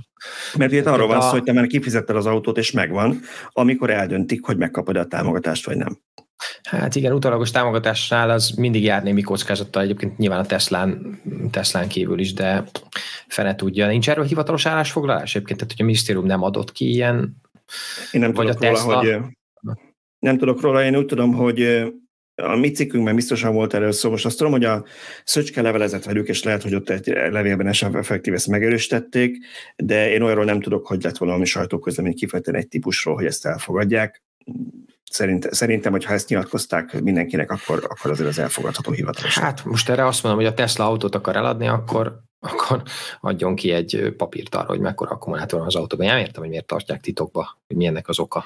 Ezt én sem teljesen értem, mármint a rugalmasság része értem, hogy ők szeretek ugye cellákat innen-onnan vásárolni, amikor épp ahonnan van, meg ahonnan kell, és azért nem akarnak egy fix összeghez, vagy fix ö, kapacitáshoz ö, lekötni magukat, ezért őt például a kocsik segéről is a, a jelölés, hogy mekkora az aksi, oké, okay, de itt igazán azt az autót, amit leszállítottak, ahhoz odarakhatnának egy papírt, hogy 59,5. Ne, ezt akartam mondani, mert, mert tudjuk, a, vásárlói annyi, motivációt hát... azt értem, de igen. hogy, tehát, hogy egy, igen, tehát hogy a, a konkrét legyártott autóhoz azért lehetne egy dokumentum, hogy tessék, itt van ennyi van igen. Hát most. Egyébként mi már régóta kardoskodunk mellette, és többször mondtuk, szerintem talán még ez elmob is felvetette, hogy ezt bele kéne venni a forgalmiba, mert legalább olyan fontos tényező az akkumulátor mérete egy elektromos autónál, mint mondjuk a köpcenti egy benzinesnél, és az benne van, meg egyéb más hülyeség benne van. Volt itt viszont még egy, még egy komment, ugyanettől a kommentelőtől, amit én ilyen típus kommentnek vettem, és már nem egyszer, nem össze hallottam, és azért szerettem, hogy beszéljünk róla. Ez a kaszkó kapcsán volt, és ez általános elő szokott jönni állami támogatásos pályázatok kapcsán, hogy hát azért is nem vett, mert hát kötelező a kaszkó, és hát az mennyibe kerül már, hogy nem is éri meg támogatással, hogyha kaszkót kell a kocsira kötni. Na most két részre bontanám, aztán a másodikra szerintem mindjárt Szabolcs is tud valamit mondani. Az első az csak annyi, hogy itt konkrétan azt mondja, hogy az itt Model y 1,1 millió forint a kaszkó szerinte, nem tudom mennyi a Model Y-ra. Az én Model 3-amra ezt mindig el szoktam mondani, mert ugye hasonló árkategóriai autó. Én nem a budapesti lakcím, ami nagyon fontos, de 260 ezer forintot fizetek évente kaszkóra, 10%-on résszel 100 ezer forinttal. Úgyhogy aki úgy érzi, hogy felmegy egy e, ilyen összehasonlító oldal, és ott valami horror számot lát, az menjen be a különböző fórumokba, nem szeretnék most konkrétan céget reklámozni, mert nem fizetnek nekünk érte, de a, a, a nyilv, teljesen nyilvános számokon kívül van egy pár biztosító cég, aki erre specializálódott, és tudnak jó ajánlatot adni. Nagy cégekről van szó, megbízható, nagyon ismert szereplőkről, tehát nem valami sufni tuning cég. Én mondom, negyedmillió forintot fizetek körülbelül évente kaszkóra az autómra, Igaz, nem budapesti lakcímmel, ami fontos lehet, ugyanakkor nekem ez az első kaszkós autóm, tehát én most azt hiszem valami háromban vagyok kaszkó három, vagy a bónusz három vagyok mm. a sorokban, tehát nem, nem tizen vagyok, hogy nagyon olcsó legyen. Na de a másik hát, része, nem tudom, hogy hát Makira tudod el, hogy mennyi a kasz, vagy tudsz-e valamit mondani, mert az egy hasonló. Hát a, szintén, csak a, az, azért nem tudom konkrétan megmondani, mert ugye nálam operatív leasingről beszélünk, tehát tartózkodati ja, konstrukció, én egy darab bérleti díjat fizetek, és Aha. ott van a kaszkó. A, a BMW i3-nak pedig, pedig, amikor kötöttem a kaszkóját, akkor, akkor ilyen dupla szorzók is voltak, tehát hogy nagyon meg kell nézni, hogy hol kötöd meg. Én azért, és lehet, hogy megint én vagyok a rozsarú, de hogy én azért nem értem, hogyha valaki fel van háborodva a kaszkón, mert és lehet, hogy nem a kaszkon van felháborodva, hanem azon van felháborodva, hogy ezt egyébként kötelezővé teszik, és nem választhatóvá, mert hogy egyébként bármilyen modern autót veszel bármilyen hajtáslánccal, arra egyrészt, hogyha te újonnan megveszed, és 10-20 millió forintot kifizetsz egy autóért, akkor gondolom mindenképpen kötsz rá kaszkót. Ez az egyik. A másik pedig az, hogy, hogy bármilyen autót veszel, bármilyen hajtáslánccal, baromi drága lesz rá a kaszkója, mert hogy olyan mértékű biztonsági berendezéseket kell már bármilyen autóra vagy autóba beépíteni ugye a gyártóknak, ezért halnak meg ugye a mini kategóriájú autók is, hogyha te ott nem tudom, egy parkolásnál összekoccansz valamivel, és egy kicsit megnyomod az elejét, akkor simán milliós károd lehet, és ezt gondolom nem akarod zsebből kicsapni, hanem örülsz, hogyha ilyenkor 10-20%-os örrészsel az autót egyébként rendbe lehet tenni.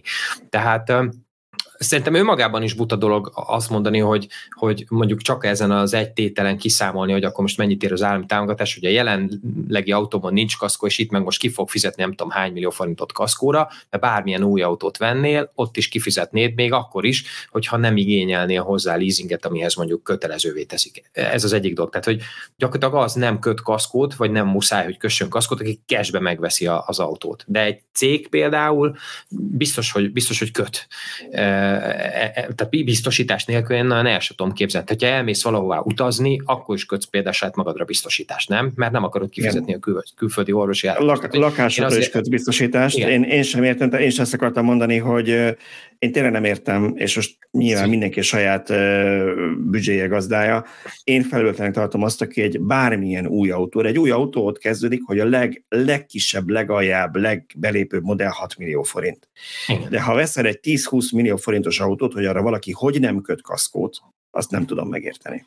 És, hát és, nem csak, és, csak, és nem csak milliós kaszkót lehet kötni, tehát aki egy millió Persze. forintos ajánlatot kapott a Y-ra, az sürgősen keresse fel a megfelelő Így Facebookos Teslás fórumokat, és fél percet megkapja azoknak a társaságnak a nevét, meg még kap kontaktot, telefonszámot üzletkötőhöz, aki kifejezetten elektromos autókra szoktak adni sokkal jobb ajánlatot. A, a másik dolog, hogy tessék TCO-ban gondolkodni. Tehát én mindig, ezt, mindig csak ezt mondom, értem, hogy a kaszkó a sok, és akkor ki, ki, nem tudom, ki tudok hozni három olyan tételt, amit hogyha összeadok, akkor tulajdonképpen elviszi az állami támogatás, de könyörgöm, tessék már TCO-ba gondolkodni. Mert ha nem lenne az állami támogatás, és megvennéd ezt az autót, akkor pont 4 millióval többbe kerülne. Tehát, hogy, és összességében mindent akkor tessék bele számolni. Az üzemeltetést, a szervizt, a stb.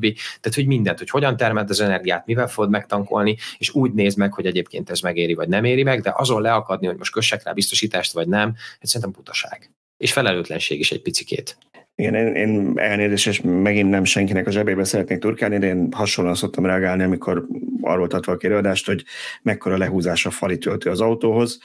Most vett valaki mondjuk 15 millió forint egy autót, és 200 ezer forint, és sajnálja a pénzt a fali töltőre, ami minden szempontból biztonságosabb, és nem fog kigyulladni a háza, és, és okos töltést tud vele csinálni, és kényelmesebb használni is, szóval. De mindenki maga dönti el, hogy mire költi el jó, jó kemény munkával megkeresett pénzét persze. Így van. Volt egy másik hallgatónk is, aki erre a múltkori témára reagált, ami arról szólt, hogy mennyit lehet egy seggel megtenni, ugye Szöcskének, a, Szöcskének az útja a dízelben. Um, és nagyon tetszett ez a komment, mert valaki egy konkrét példát írt, ő Belgiumból egy külföldi hallgatónk lehet, Belgiumból Portugáliába évente háromszor szokott menni autóval. Egy éjszakás pihenő, és félúton felepontnál, az kb. 1120 km a felepont, tehát ez 2200 km-es útról beszélünk, és azt mondja, hogy éveken keresztül egy hármas, tehát hármas, nem tudom, hogy hármas, egy BMW hibriddel járt, nem tudom, milyen BMW hibriddel járt, 12 óra volt az út, utóbbi két alkalommal Tesla Model 3 járt, szintén 12 óra az út. Mert azt mondja, hogy ő háromszor megszokott állni a 12 óra alatt, így is, úgy is. Hát mert nem a technika nem tudja, hanem te nem tudod, a biológiád nem tudja. Igen. Tehát most tök hogy derékfájásról beszélünk, vagy prostatáról, de hogy a technika tudja, a biológia nem tudja. És ennyi, itt van a, itt van a konkrét példa, egy, át, egy felhasználó írja, aki ezt csinálja.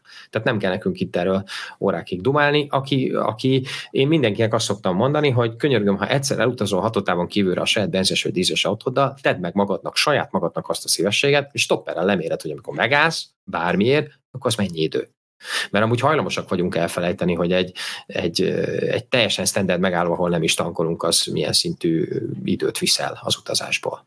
Ezt mindig csak akkor látjuk, amikor elindulunk, és kírja, nem tudom, a navigáció, hogy akkor ennyi a, a, az út hosszú távon, és hogy akkor ténylegesen mikor érünk oda, ugye az meg már egy következő kérdés.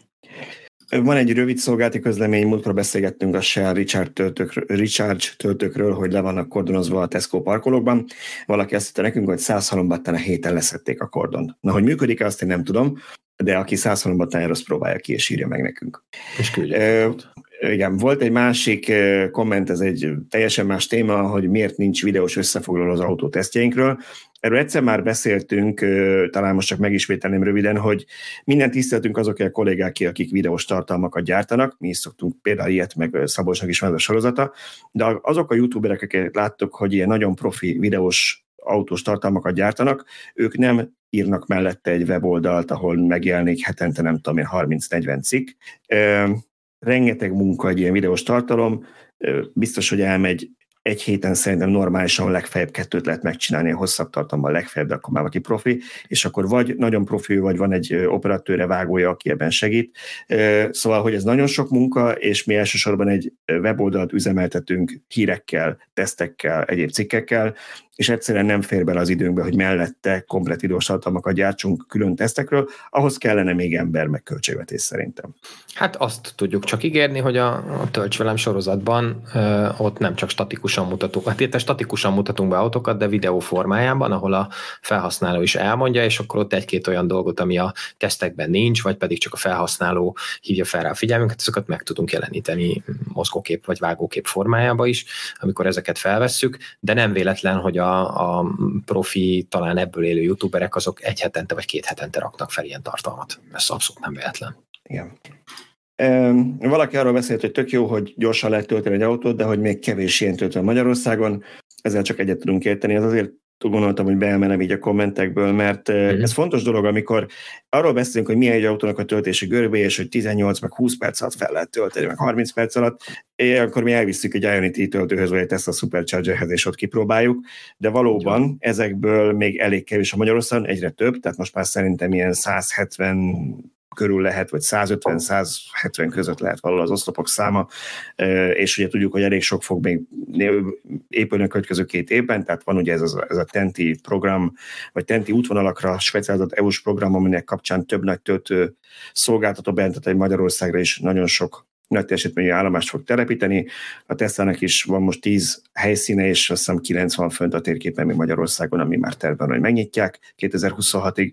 Úgyhogy lesz még ilyen, de valóban a nagy többsége az még 50-es töltő az országban, és érdemes ezt észben tartani, amikor valaki utat tervez, hogyha vesz egy új autót, akkor ne áruljon az óriás plakáton lévő számtól, hogy 20 perc alatt fel tudja tölteni, hanem nézze meg, hogy azon az úton, amin ő jár, és ha neki ott kell tölteni, egyébként léteznek-e villámtöltők gyorsak, vagy csak 50-es töltők, vagy még lassabbak. Abszolút. Hát azért most a CEF2-es projekt keretében a jövő év végéig rengeteg töltőt fognak átadni, és én, én nagyon remélem, igen, nagyon remélem, hogy 26 év végéig bezerolg a CEF2-es program, meg a Tesla Supercharger bővítés itthon, a kettő együtt meg fogja duplázni, vagy talán meg is háromszorozhatja a mostani villámtöltő oszlopok számát. Az egészen biztos. Így van. Úgyhogy remény, reménykedjünk. És ugye egy nagy teljesítménytöltőkről beszélünk, 150 pluszosokról. Oké, okay, szerintem ennyi. Volt még jó pár kommentünk, mint mindig, de csak párat szoktunk ilyenkor kiemelni. Nagyon szépen köszönjük mindenkinek a figyelmet. Nézzetek meg mindenképpen Tibor, Tibornak. Tibornak is van sorozata, csak, Tibornak csak az szokott lenni. Tibornak is. Szabolcsnak a sorozatát a töltselemet a főcsatornánkon, itt van a link a podcast leírásában, és kommenteljetek, iratkozzatok fel, lájkeljetek a videókat. Igyekszünk minél több ilyen tartalmat gyártani nektek, a főcsatornán meg itt is, úgyhogy találkozunk jövő héten ugyanitt. Sziasztok! Sziasztok!